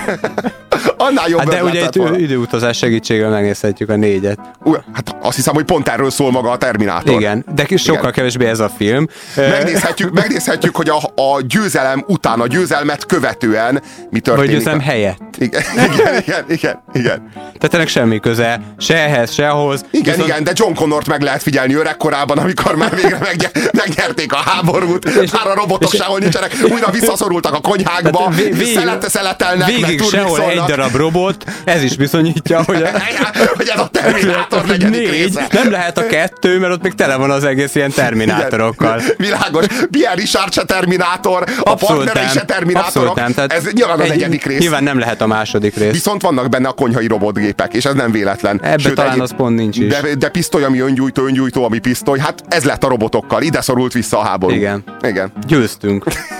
De mind- mindannyian tekintsétek meg a Terminátor negyedik részét, ha ajánljuk a figyelmetekbe is. Írjatok nekünk újabb és újabb epizódokról, amelyekben Pierre Richard szerepel, és egyáltalán egyetlen robot sem. 0620 998 986. Jó napot kívánok! Jó napot. Ez a baleset színhelye? Igen, én telefonáltam. Hol a sérült? Elment haza. Túlzott volt az ijedelem, mert csak horzsolás történt. Ettől a fegyvertől? Ha? Jó. Hogy zajlott le? Azonnal elmagyarázom. Állandóan tartok magamnál fegyvert, hogy viselesen megvan az engedélyem, minden rendben van. Ám egy kedves barátomtól ezt kaptam ajándékba. Nézzék meg! Ez a másolat megszólalásig hasonlít a pisztolyomhoz, csak ha ravaszul meghúzom a ravaszt, az ávár kinyílik, kiderül, hogy öngyújtó. Ö. Most se gondoltam. Nem értek semmit. Ezek szerint ez az öngyújtó. Most meg kire lőtt? Az úr az áldozat. Ez a pasas kétszer rám lőtt. Véletlenül sült el, tudod jó. Én is tanú vagyok. Várjanak, várjanak, mindent elmagyarázok. Ezért érdemes, Ez az a pisztoly, amelyet apám hozott Algériából, és nekem adta. He? És hébe-hóba elviszem Vikendre, és a barátaimmal passzióból konzervdobozokra lövöldözünk. Világos? Mi, mi, mi mindegy, folytassa. Ez pedig az öngyújtó. Egy barátom hozta New Yorkból, hogy megtréfáljon. De hisz az is pisztoly. Csak hogy én öngyújtónak hittem. Ja, mert eh, nem említettem, ez az öngyújtó pisztolyformájú. Olyan, mint egy pisztoly. Egy barátom hozta Algériából, ö, akarom mondani, ö, New Yorkból. Az én fejemben az öngyújtó ez. De hiszen az pisztoly, két percet üzelt vele. Mert azt hittem, hogy öngyújtó. Milyen öngyújtó? Az öngyújtó, amelyet a barátja hozott, hogy megtréfálja. Ahogy mondja. Nem értek egy árva szót Azért, sem. mert állandóan közbevág. Engedjen beszélni, mert sose jutunk a végére. Sorolja a tényeket. Hmm. Folytatom. Ez az az öngyújtó, amelyet apám hozott Algériából, és elvittem vikendre, hogy konzervdobozokra lőjünk. Öngyújtóval tüzelt konzervdobozokra? Nem. Persze, hogy pisztolyjal. Mm, az imént azt mondta, hogy amikor... De arra a pisztolyra gondolt. Természetesen. Amelyet az apja hozott Algériából. Pontosan, világos. Világos. Akkor hát folytatom. És ez az az öngyújtó, amelyet az apám hozott nekem Yorkból. Ö, ö, nem, ö, ö, akarom mondani, a, barátom hozta Algériából. Illetve a barátja hozta magának New Yorkból. Úgy van. Világos? Egészen világos. És még nincs öt perce, hogy a hölgy csengetett az ajtómon. Itt hagytam a táskáimat. Milyen táskákat? Ö, én dugtam el őket a, a szobában. Miért dugta el az ő táskáját az ő szobájában? Azért, mert a férjem jött. Nem értem. Igen, mert ö, azt hittem, hogy a- az úr a... Hogy az úr a feleségem szeretője, igen? Mondja ki! Ön az úr szeretője? Dehogy, az a hölgy az úr szeretője. Hagyják abba, hallgassanak! Nagyon kérem, engedjenek végre beszélni! Hé, hey, micsoda hang ez? Nyugodjon meg! Na de eddig én többször is megpróbáltam érteni azt, amit nem lehet. Ne képzeljék, hogy meg tudom magyarázni azt, amit nem értek, és maguk értsék meg! Erőlködjön! Jó! Öt perce a hölgy idejött és becsengetett. Nyújtom az öngyújtót. Nem, nem, nem! A pisztolyt. A papa hozta Algériából. Úgy van. Azt hittem az öngyújtó. Azt a barátja hozta New Yorkból. Pontosan. És megkérdem, lőjön le. Hogy lője le? Igen, hogy mulassunk. Mulassanak? Azt kérte tőle, lője le 765-ösel, hogy mulassanak? Igen, bevallom egy kicsit. A hölgy mulatságosabbnak találta, hogy az úrra Nem, az lőjön? úrra én lőttem. Na, bevallotta, hallod, bevallotta! Boris! Nagyon vicces. Nagyon vicces. Ez, ez, ez maga a francia bohózat, E- e- quintessenciája, amit most hallottatok. Tehát ez, ezek az ismérvek. Ez, ez az a film, aminek kapcsán nem sok mindenről tudunk beszélni, tudni. Az első film kapcsán elmondhattuk azt a fajta ö, ö, társas ö, kapcsolatot, ami, ami mindannyiunkkal megesett, hogy találkozunk egy olyan emberrel, aki, aki nagyon jó szándékú, de végtelenül ostoba. E, A, a második film kapcsán lehetett a kulináris dolgokról beszélni, lehetett a, a nagyipari e, ételgyártásról beszélni, ezek jó apropók voltak. Most ennek a filmnek a kapcsán konkrétan semmilyen, semmilyen dologról nincs értelme beszélni, ha csak nem igaz az, hogy mindannyiunk életében rendszeres esemény a táskacsere, a, a pisztolynak látszó öngyújtó, amely aztán elsül, illetőleg a, a hasonló lehetetlen helyzetek. Ez az a film, ami legklasszikusabban a tipikus francia bohózat, és, és az egésznek semmilyen különösebb mondani valója nincs, tényleg, csak egész egyszerűen végtelen jól szórakozunk, tehát én, én amúgy az elemzésben nem is mennék bele, talán egyetlen egy olyan dolog van, ami, ami, ami elemzésre méltó, az a, az a Pierre Richard szomszédságában lakó párnak a szerelmi élete, mert azt szerintem zseniálisan van ábrázolva, egy, egy, egy, egy vadbarom és egy hát cafka ö, kapcsolata, ö, és, és az, az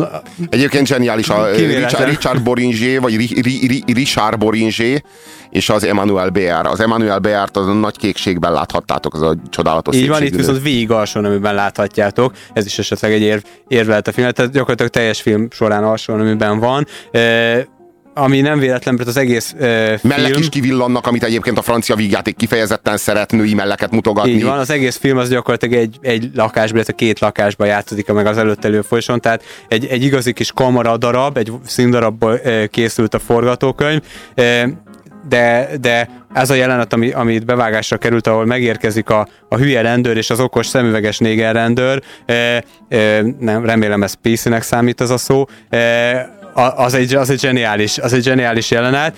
Persze nem árt előtte megnézni az előtte lévő 60 percet. Aki nem látta, ismét csak nagyon- nagyon-nagyon tudom ajánlani ezt a filmet. Én a, én a, a Tahitót Lászlónak a profizmusán vagyok lehalva, hogy, hogy ahogy az, az, az, az elképesztő, hogy mi, mekkora szinkron színészről, ahogy, ahogy amúgy meg mennyi, mekkora színészről beszélünk Tahitót esetében.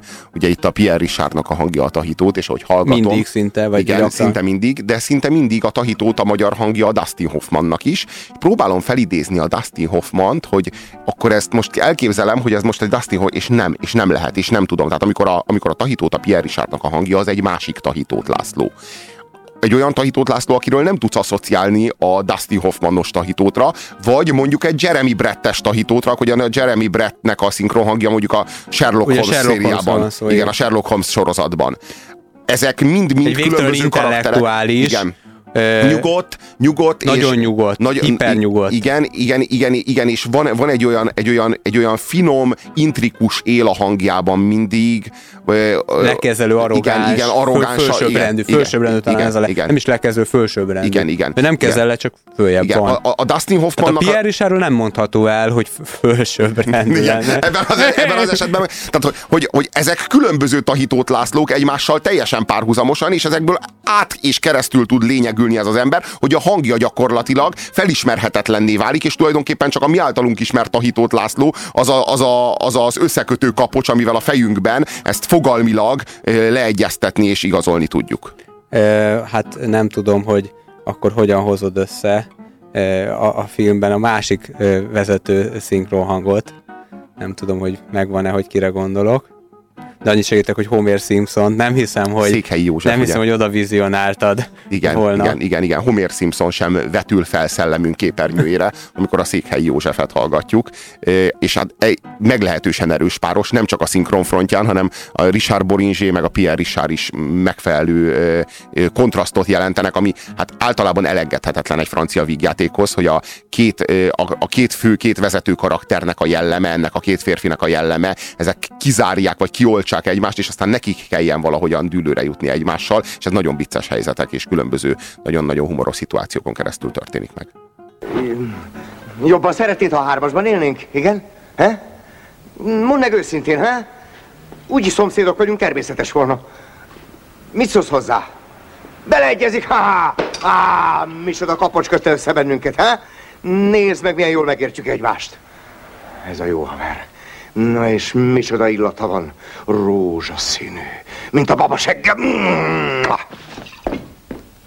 Állj! Van egy ötletem. Bérelhetnénk házat hármasban, Párizs környékén, he? Te szereted a vidéket. Nyári estéken kiülnénk a kertbe egy vén fa alá, és beszélgetnénk filozófiáról, irodalomról, az életről, marhaságokról. Hallgatnánk téged, ahogy énekelsz a konyhában mosogatás közben, aztán kijönnél hozzánk mm, egy nagy üvegborral. Narancslével. Há? Csak azt mondom, hogy jobb lenne, a narancslevet hozna, vagy valami hasonló. Jó, jó, legyen narancslé. Üldögélnénk hármasban, mint három kebelbarát. Bámulnánk a csillagokat, és hallgatnánk az éjszaka leszeit.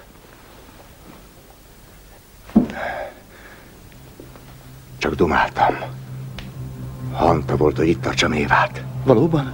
Nem baj. De, ha még egyszer Évához nyúlsz, megöllek. Rendben. Most beszélj vele. Intézd úgy, hogy maradjon. Na, indulj! Mit mondjak neki? Amit akarsz, indulj! É, nem komoly, amit mondott. Itt ne hagyjunk vele. Vigyel, kérem szépen. Nem, Ján. Bátor leszek és elmegyek. Viselje a gondját, szüksége lesz magára. Legyen a pótapja. Köszönöm szépen. Nem akar maradni. Megölöm magam. Nem bírom, ha elmegy. Ugyan, öregem. Igyekez józan maradni. Képes vagyok mindenre. Főbe lövöm magam. Igazán nem elegáns, ha zsarolsz az érzelmekkel. Éva, ha elmegy, én megölöm magam. Öngyilkos leszek. Én megmondtam! Megmondtam! A mélybe vetem magam! Richard Boringé Boris szerepében Boris egy elképesztően szenvedélyes, egy hihetetlenül kiszámíthatatlan, ilyen szuperhím, olyan, akinek négy darab Y-kromoszómája van, vagy nem tudom, hogy, hogy valami, valami nagyon-nagyon-nagyon brutális, ilyen őshím, és ilyen tényleg ilyen ősemberszerű az egész lény, nem képes rá, hogy, hogy, hogy kicsit valami is kontrollálja. balkáni szláv egyébként nyilván. Nyilván, nyilván nem véletlenül, vagy van honnan hoznia ezt a temperamentumot. Egyébként valamit még szerettem volna én is mondani a, a szinkron kapcsán, hogy nem akarok egy nagy szinkron vitába belemenni, én, én nagyon szinkron párti vagyok. Én és, is és nagyon csak azt, szinkronpárti azt ne vagyok. nézzük szinkron, aminek rossz a szinkronja, sajnos készültek rossz szinkronok az utóbbi időben sorozatokhoz is, és filmekhez is.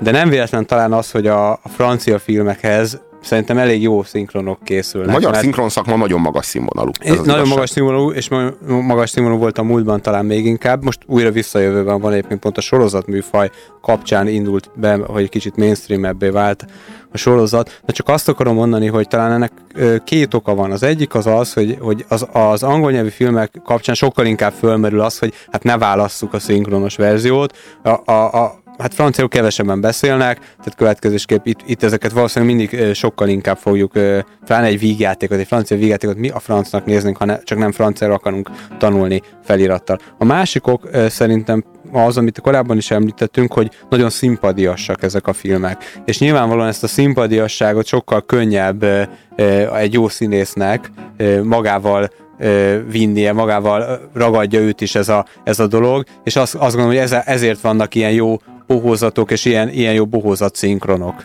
A Magas szőke meg két szőke című film, az már csak azért is egy nagyon-nagyon érdekes darab, mert ez, ez aztán az igazán színpadi bohózatnak a filmrevitele.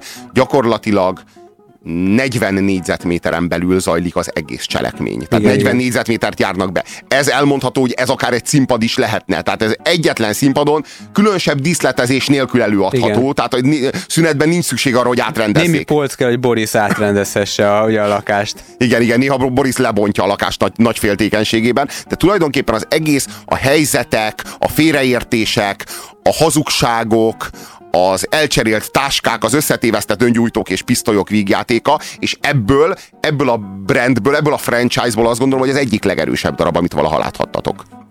Drágám, Éva, mi történt? Baj van? most vesztett el valakit, aki benső viszonyban volt vele, és... Rokon? Nem. Igen, vagy szinte a guruját. A guruja? Ő, szentsége Ravish Hanad Ravan, nehéz kimondani, hindu.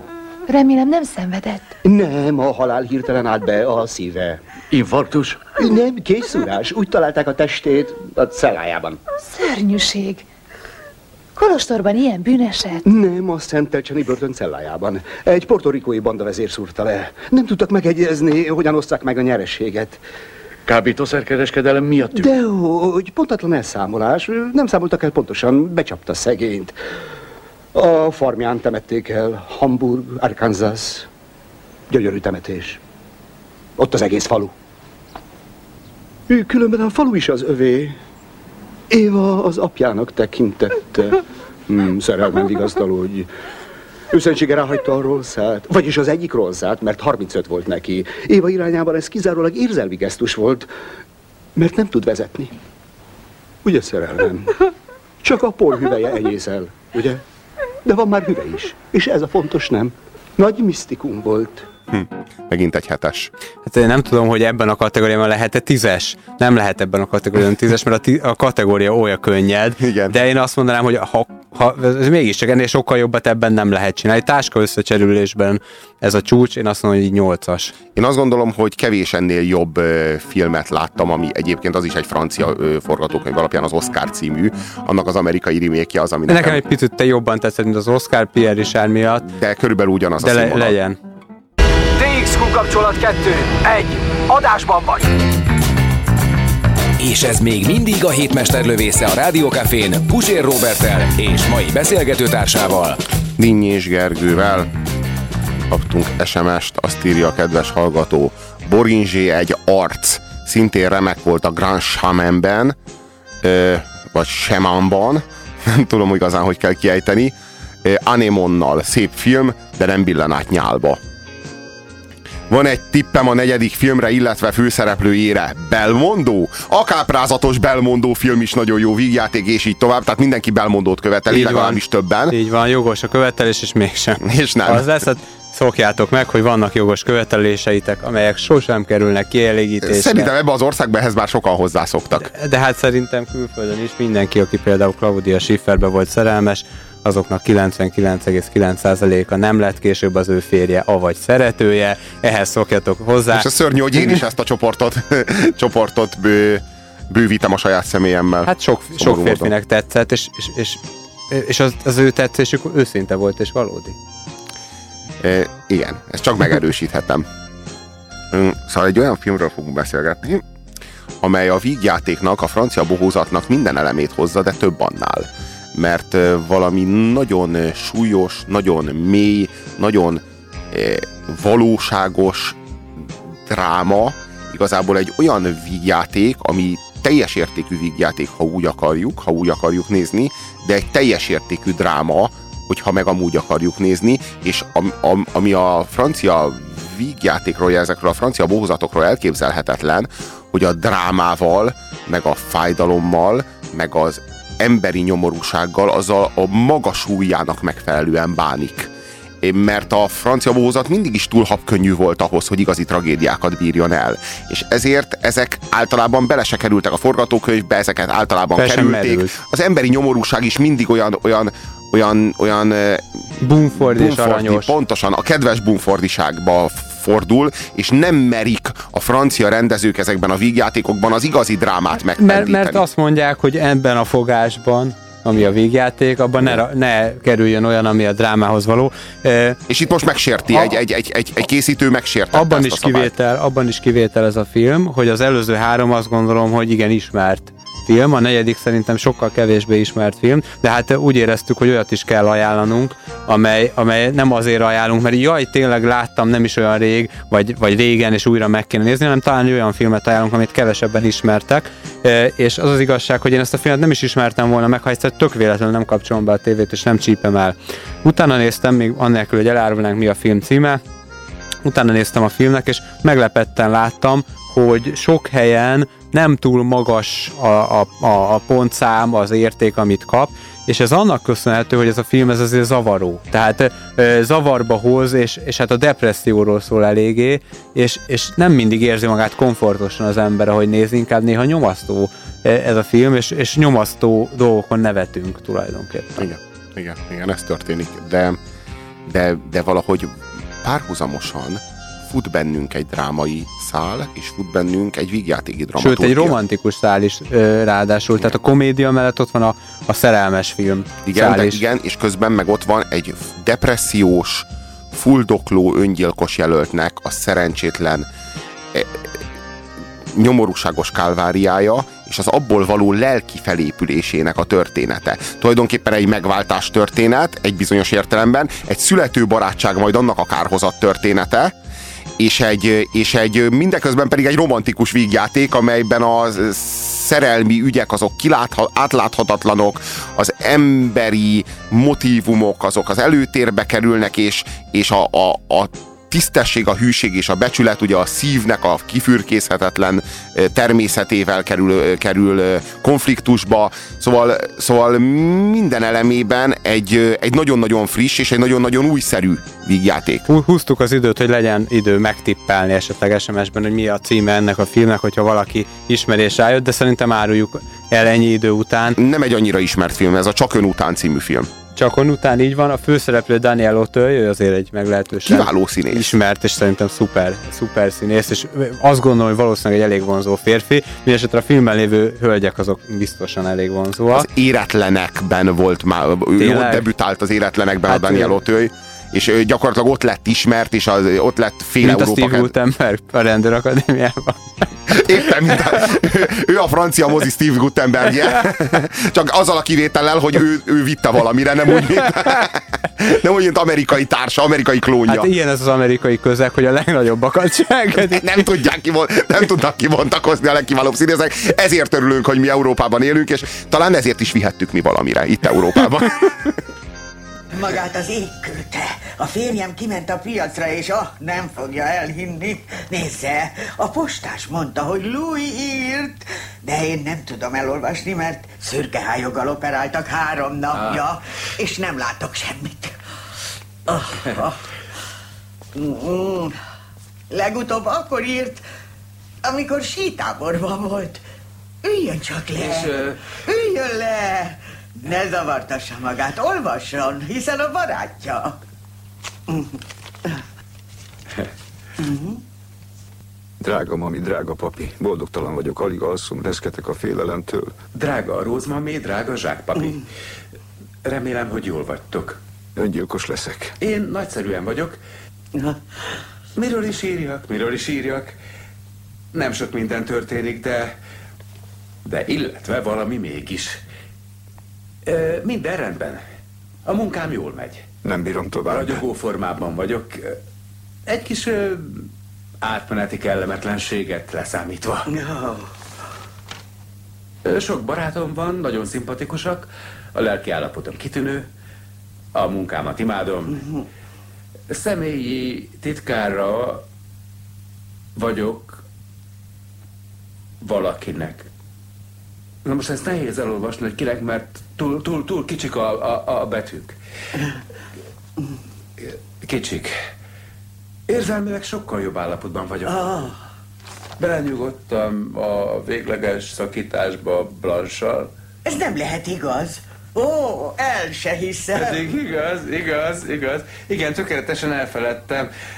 Sőt, találkoztam valaki mással. A neve Carmen. Csodálatos lány, nagyon okos, nagyon vidám. Az alakja egyenesen ö, mesés. Ö, Manöken és közgazdaságtant tanul közben, és informatikát. Nos, búcsúzom, vár a kötél. Micsoda? Az ugrókötél. Ó, újabban sportol is. I- igen. Ölellek benneteket, sok szeretettel, Louis. Szerencsétlen Antoine próbálja nagy nehezen jóvá tenni azt, amit Louis elrontott. Louis írt egy búcsúlevelet a nagyszüleinek, és Antoine, aki megmentette az életét, mindenáron szeretné visszarángatni Louis-t az életbe, és szeretné egyenesbe hozni az ő ö, rosszra fordult sorsát. És, és hát az első lépés az az, hogy vissza kell csorni valahogyan a búcsúlevelet a nagyszülőktől, mielőtt a nagyszülők megtudnák, hogy mekkora baj, és abban a szerencsés helyzetbe kerül, hogy ő olvashatja fel, és hát egy másik levelet, költ egy búcsúlevelet helyette, miközben olvassa azt, az is egy nagyon vicces szituáció. Egyébként nagyon-nagyon vicces szituációk sorozata következik a filmben egymásra, úgy, hogy hangosan röhögsz, miközben a következő jeleneten meg Nyomasztó. el, el, igen, igen, elszorul a szíved, és, és ökölbe szorul a gyomrod, és annyira, annyira szörnyű, az mindannyiunknak nyilván volt már igazi szerelmi csalódása, és itt egy ember pszichéjének a teljes, teljes alámerüléséről van szó. Itt nem pusztán egy szerelmi csalódásról van szó, ez a szerelmi csalódás csak egy ürügy. Ez itt egy teljes tön- tönkrement és depressziós életről van Na szó. várjunk, de, de, de, de minden, mindannyian tudjuk, hogy mindenkinek kell egy kezdőlökés. Hogyha Louis, Louis Kiderül, hogy, hogy kiderül, hogy ez a szerelem egy tök felületes ö, a- a futó kapcsolat volt, ő csak valamire fogja azt, hogy az élete mikor és hol ment tönkre. Tehát itt egy totál csődről van szó, nem pusztán egy, egy, egy, egy szerelmi bánatban az ember persze lehet öngyilkos, de itt, itt ennél jóval többről van szó. Egy, egy mérhetetlen nagyfokú egóvesztésről van szó ennek az embernek az esetében. film arról- Ezt úgy hívják, úgy, úgy, úgy, úgy fejezik ki a filmben, hogy narcisztikus sérülés. Ez, ez mély depressziónak mondanám, de, de a film arról szól, amit mondasz, hogy nem csak a levelet költi, a levélben költi újra az életét, hanem, hanem komplet életét újra kívánja költeni, a nyakába szakadt öngyilkos é- egész, egész életét próbálja élni helyette is, és, és őt segítve.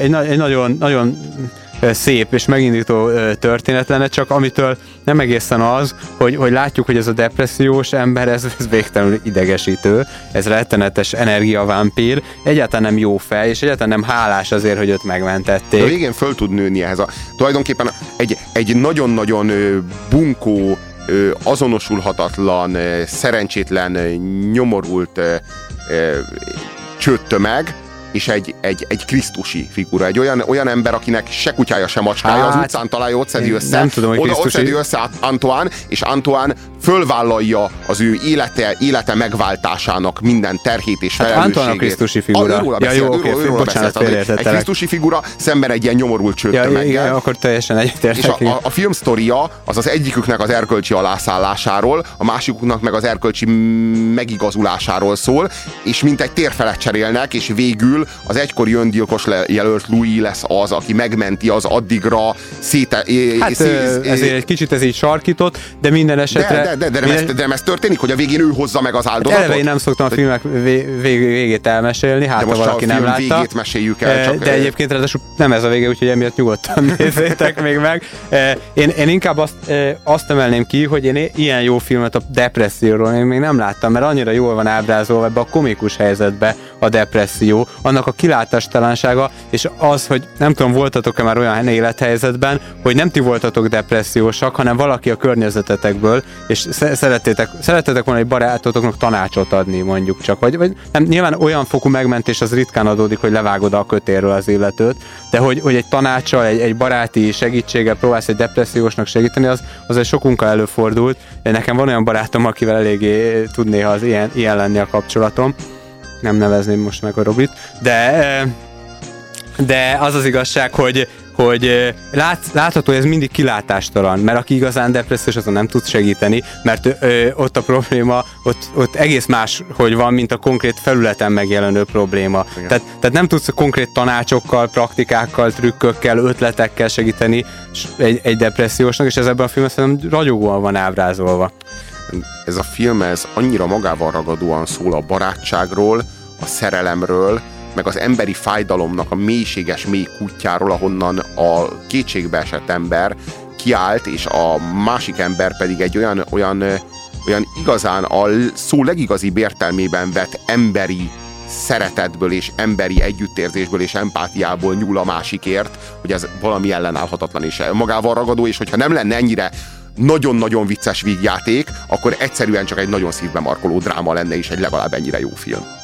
Hát tovább, sajnálom, sajnálom, sajnálom. Bocsáss meg, bocsáss meg, csak kérdeznék valamit. Bocsáss meg, szeretném, szeretném megkérdezni. Milyennek találod a külsőm? Jól, jól nézel ki. Mert aggódom, hogy nem fogok neki tetszeni, tudod, hogy nem lesz, nem lesz kedve hozzám érni, mert csúnyának lát, taszítónak. Az az igazság, tegnap este is ezért nem mertem bemenni hozzá. Féltem a tekintetétől. Talán várjak még egy kicsit a találkozással, mit gondolsz? Talán egy picit. Mégis mennyit? Ez nem tudom, egy hetet, két hetet, maximum egy hónapot. Valóban? Azt írja kedves hallgató, nem jöttem rá, de ez egy szenzációs film. Én is véletlenül botlottam bele, mikor francia napok voltak a mozikban. Jó pár évvel ezelőtt. Itt az ideje elővenni valahonnan. Igen, szerintem sokaknak azért nem tetszett, mert felhőtlen végjátékot vártak, és ezt nem kapták meg. Tehát az, a, amit a magas szőke meg még két szőkétől, vagy a lifttől balra e, című filmtől abszolút megkapnak, azt itt nem. Ami viszont nagyon tetszik a drámaiságban, hogy az összes e, szereplőnek e, tényleg nagyon ére, értjük és, és átérezzük az indokait. Tehát nagyon különböző figurák, ugye a megmentő, a depressziós, a, egy nagyon érdekes e, lány vagy hölgy, inkább mert bőven 30 fölött, e, és egy gyönyörű, ismét csak egy gyönyörű, de mégsem a klasszikus értelemben bomba nő, e, vagy még egy e, nő szerepelben, és mindenkinek ér, értjük és érezzük a motivációit, és mindenkinek a saját érzelmi igazsága az igaz, és, és ettől lesz szerintem nagyon erős ez a dráma, mert nagyon gyakran van az, hogy én, én azt érzem, hogy itt most az X-re vagy Y rá van mutatva, hogy na ő a depressziós, ő a jó fej, ő a izé, és, és ezt elfogadjuk, mert mi részt akarunk venni ebben a játékban. De ritka az a szerencsés e, csillagálás, legalábbis számomra, amikor ez teljesen következik az egész figurából, hogy ő most miért ilyen szerencsétlen, vagy szerencsés, vagy, vagy miért dönt így, vagy úgy, vagy amúgy. Azt írja a kedves hallgató, a kérdés így hangzik, a Krisztusi helyett nem jobb a mártír? Nem, mert a Szerintem mártír meghal. Na, a mártír A- a Krisztus jelent. megvált. A Krisztus, Krisztus megvált. A, a mártír az egy elvont eszmény érvényesülése érdekében áldozza fel saját magát. A Krisztus nem foglalkozik elvont eszményekkel. A Krisztus az egy darab szenvedő ember, a földön ö, ö, fekvő, nyomorult, eltiportatott ember hóna alá nyúl, és emeli föl és segíti föl a földről. Az, az, egy, az, az egy teljesen másik az, szerep, az, mint a mártír. Az egyiket, ha tetszik egy ideológia, a másikat, ha tetszik a szeretet mozgatja, Na és igen. ebben a filmben itt a szeretet, Pontosan. itt semmiféle ideológia, vagy, vagy hősiesség, vagy nemzeti érzés, vagy, tehát ilyenek nem, semmilyen, nem ideoló, semmilyen ideológia nincsen, hanem annál sokkal mélyebben egy emberi szálon fut az a ö, Az, az hogyha a látsz valakit lógni egy kötélen, akkor levágod-e, és hogyha levágtad, akkor hagyod-e, hogy visszakösse magát. Pontosan, hogy ne, onnantól kezdve, hogy levágtad, már felelős vagy, csak ez nem olyan patetikusan van megfogalmazva itt, mint a kis hercegben. Szerencsére. Hoztam ruhát. Itt az akku, amit annyira szeretsz. Fenébe az indulással. Úgy maradnék még egy kicsit. Se beteg, se gyógyult nem vagyok. És itt világos van. Hát ez nem igaz. Te félrebeszélsz, Louis, félrebeszélsz. Megint, megint elvetted az úr morfiumát.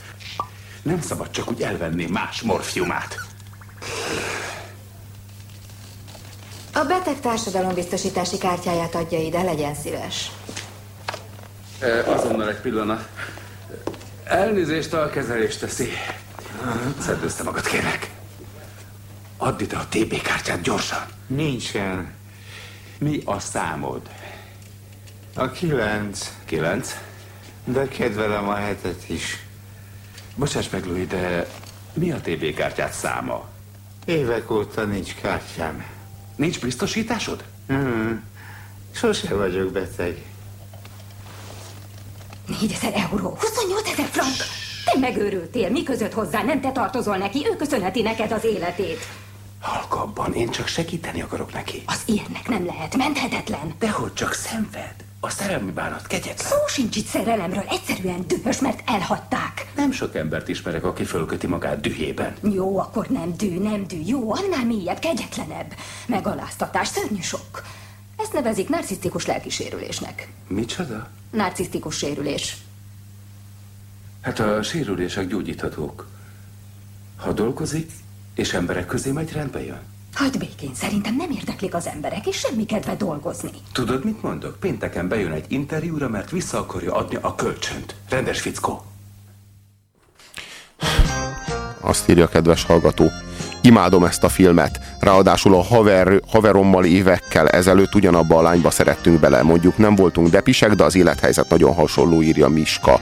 Mindenki ajánlja ezt a filmet, aki csak Jaj, hozzászól.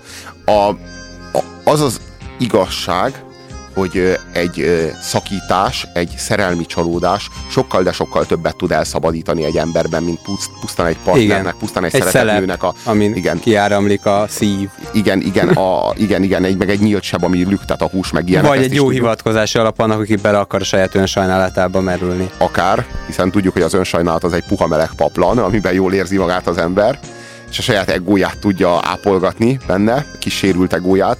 De A az is, máz is akkor még talál erre másokat is. igen, és akkor már együtt vannak a paplan alatt, és az már, Nem, nem, nem, akik már őt, meg is áp, nem, őt ápolgatják. Igen, de léteznek egyébként ilyen egybe, ilyen, ilyen összekap, szomorú emberek összekapaszkodása-szerű Igen, kapcsolatok de az, az, az túl szép, hogy, hogy tehát inkább, Túl, szép- túl szép ahhoz, hogy inkább ez a magával rántás szerintem a, a jellegzetesebb. Szóval, hogy itt arról van szó, hogy két félnek, a két partnernek teljesen másról szólhat egy- egy-egy kapcsolat. Az egyiknek csak valami futó próbálkozás, amiben talán már az elején se hit nagyon csak belecsúszott, aztán elég hamar vége lett. A másik viszont az egész világát, az egész életét építi erre, mivel hogy az egész világa egy csőd, mivel hogy a, az a ház, az a lelki-pszichés felépítmény, amelyben lakik, az összedőlni látszik, és minden fala remeg, egy kapcsolatra az egy nagyon-nagyon-nagyon erősen stabilizáló tényező tud lenni. Egy nagyon, nagyon jól ö, biztosan tartó cement. Tehát olyan, olyan, mint amikor dőlni látszik a, a, a pizai ferdetorony, azt tudni kell, hogy az folyamatosan instabil, és folyamatosan zúdítják alá be az a, a nagyon nagy mennyiségű cementet, hogy tartsa meg, hogy tartsa meg. Tehát, hogy azt folyamatosan alá kell cementezni, hogy ne dőljön el. És egy kapcsolat így is tud funkcionálni, hogy az emberek összedőlne a világa,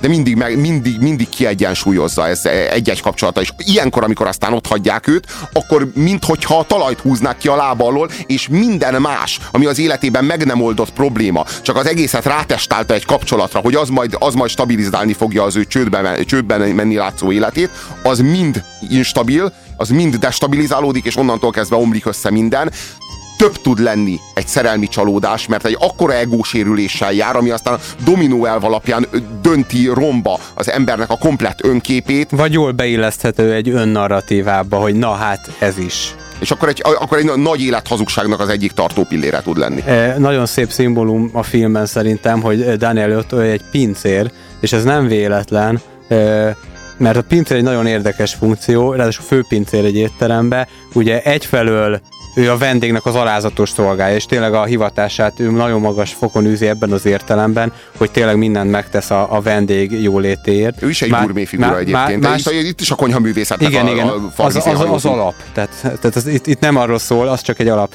Másfelől viszont a főpincér az, egy, az, az élet és halál ura is egy étteremben tulajdonképpen. A tulajdonoshoz képest nem, de, de egyébként ő, ő a főnök, e, és, és bizonyos értelemben a vendég is ki van szolgáltatva végtelenül a pincérnek. Tehát egy nagyon érdekes figura, és nem véletlen, hogy ő lesz szolga és főnök ebben a baráti kapcsolatban, és szolgájává válik annak, akit megment, és persze főnök, mert irányítja abban a pillanatban, hogy valakinek az életét, te döntesz, amikor levágod a kötéről, főnökévé válsz.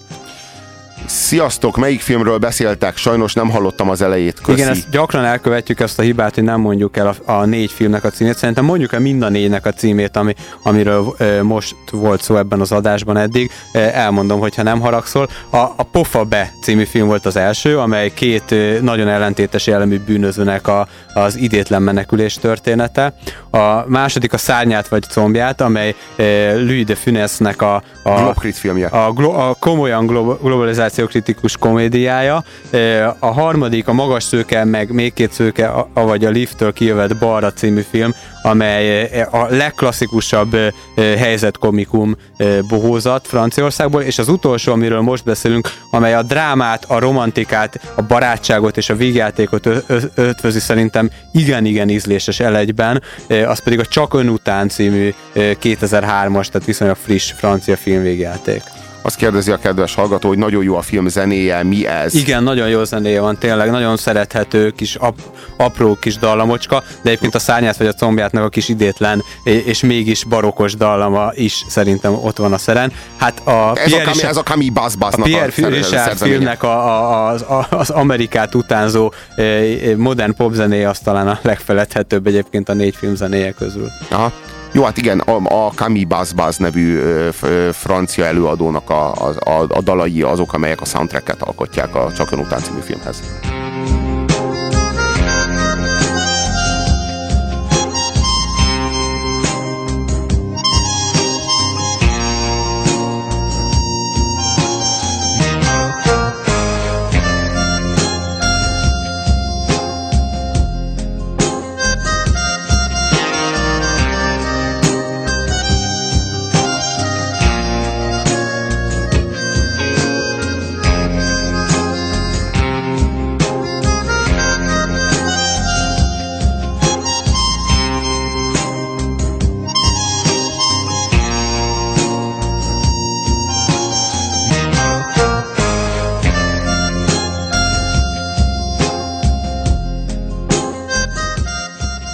Hát én nekem ez a film ez nagyon-nagyon bejött, ha lehet így mondanom. Nagyon-nagyon sokat nevettem rajta, akár sírásig. Sírni nem sírtam rajta, de nagyon intellektuálisan és érzelmileg is, is, is bejött ez a film. Én, én bizony, bizony a 9-est sem sajnálom, amikor, az, amikor azt kell leírnom, hogy nekem mennyire tetszett. Ez a film ez simán egy 8-as. Mm, nem nagyon lehet elképzelni ennél ennél jobb vagy erőteljesebb fúziót. Vagy, tehát azt gondolom, hogy a, a, sikerült a maximumot kihozni a francia bohózatnak a, a, a keretei közül, a lehetőségei közül. Azt gondolom. Nem mondtuk ki José Garciának a nevét, a, aki, aki egyébként a másik főszereplő. Tehát igen, az mindig, mindig, mindig, mindig, férfi párosokról igen, beszélünk igen, ebben igen. az esetben. José Garcia és Daniel Ottői. Egy elég menő, elő, elég menő francia színész, és őt is, is érdemes ő spanyol lehet. Ő spanyol származású, de francia színész. Daniel Ottőit mindenki ismeri, vagy sokan ismerik, őt kevésbé itt a lehetőség, hogy megismerjétek. Nagyon szépen köszönjük a mai figyelmeteket. Dinyés Gergő barátommal egyetemben Én Puzsér Robert voltam. Nagyon szép mi napot lettél? kívánok nektek. Mostantól kezdve, mostantól kezdve zenévé változom, valamint egy világ, világzenei magazinnál változom, a Babel Sound című magazinnál. Itt a 98.6-os frekvencián, mi pedig 5 nap és 22 óra múlva újra itt leszünk veletek, ahogyan a szokásunk a hét mesterlövészével addig is jó sok 98.6-os frekvencia hallgatást kívánunk nektek a következő hétre. Sziasztok! A hét mesterlövészének vége, azaz Mr. Grabowski, ez itt a végállomás. De mondhatnák azt is, hogy Hasta la vista, baby. ne feledd, a hétmesterlövésze még visszatér, ugyanis Indiana, rajtunk csak átsiklik a történelem, de ez maga a történelem.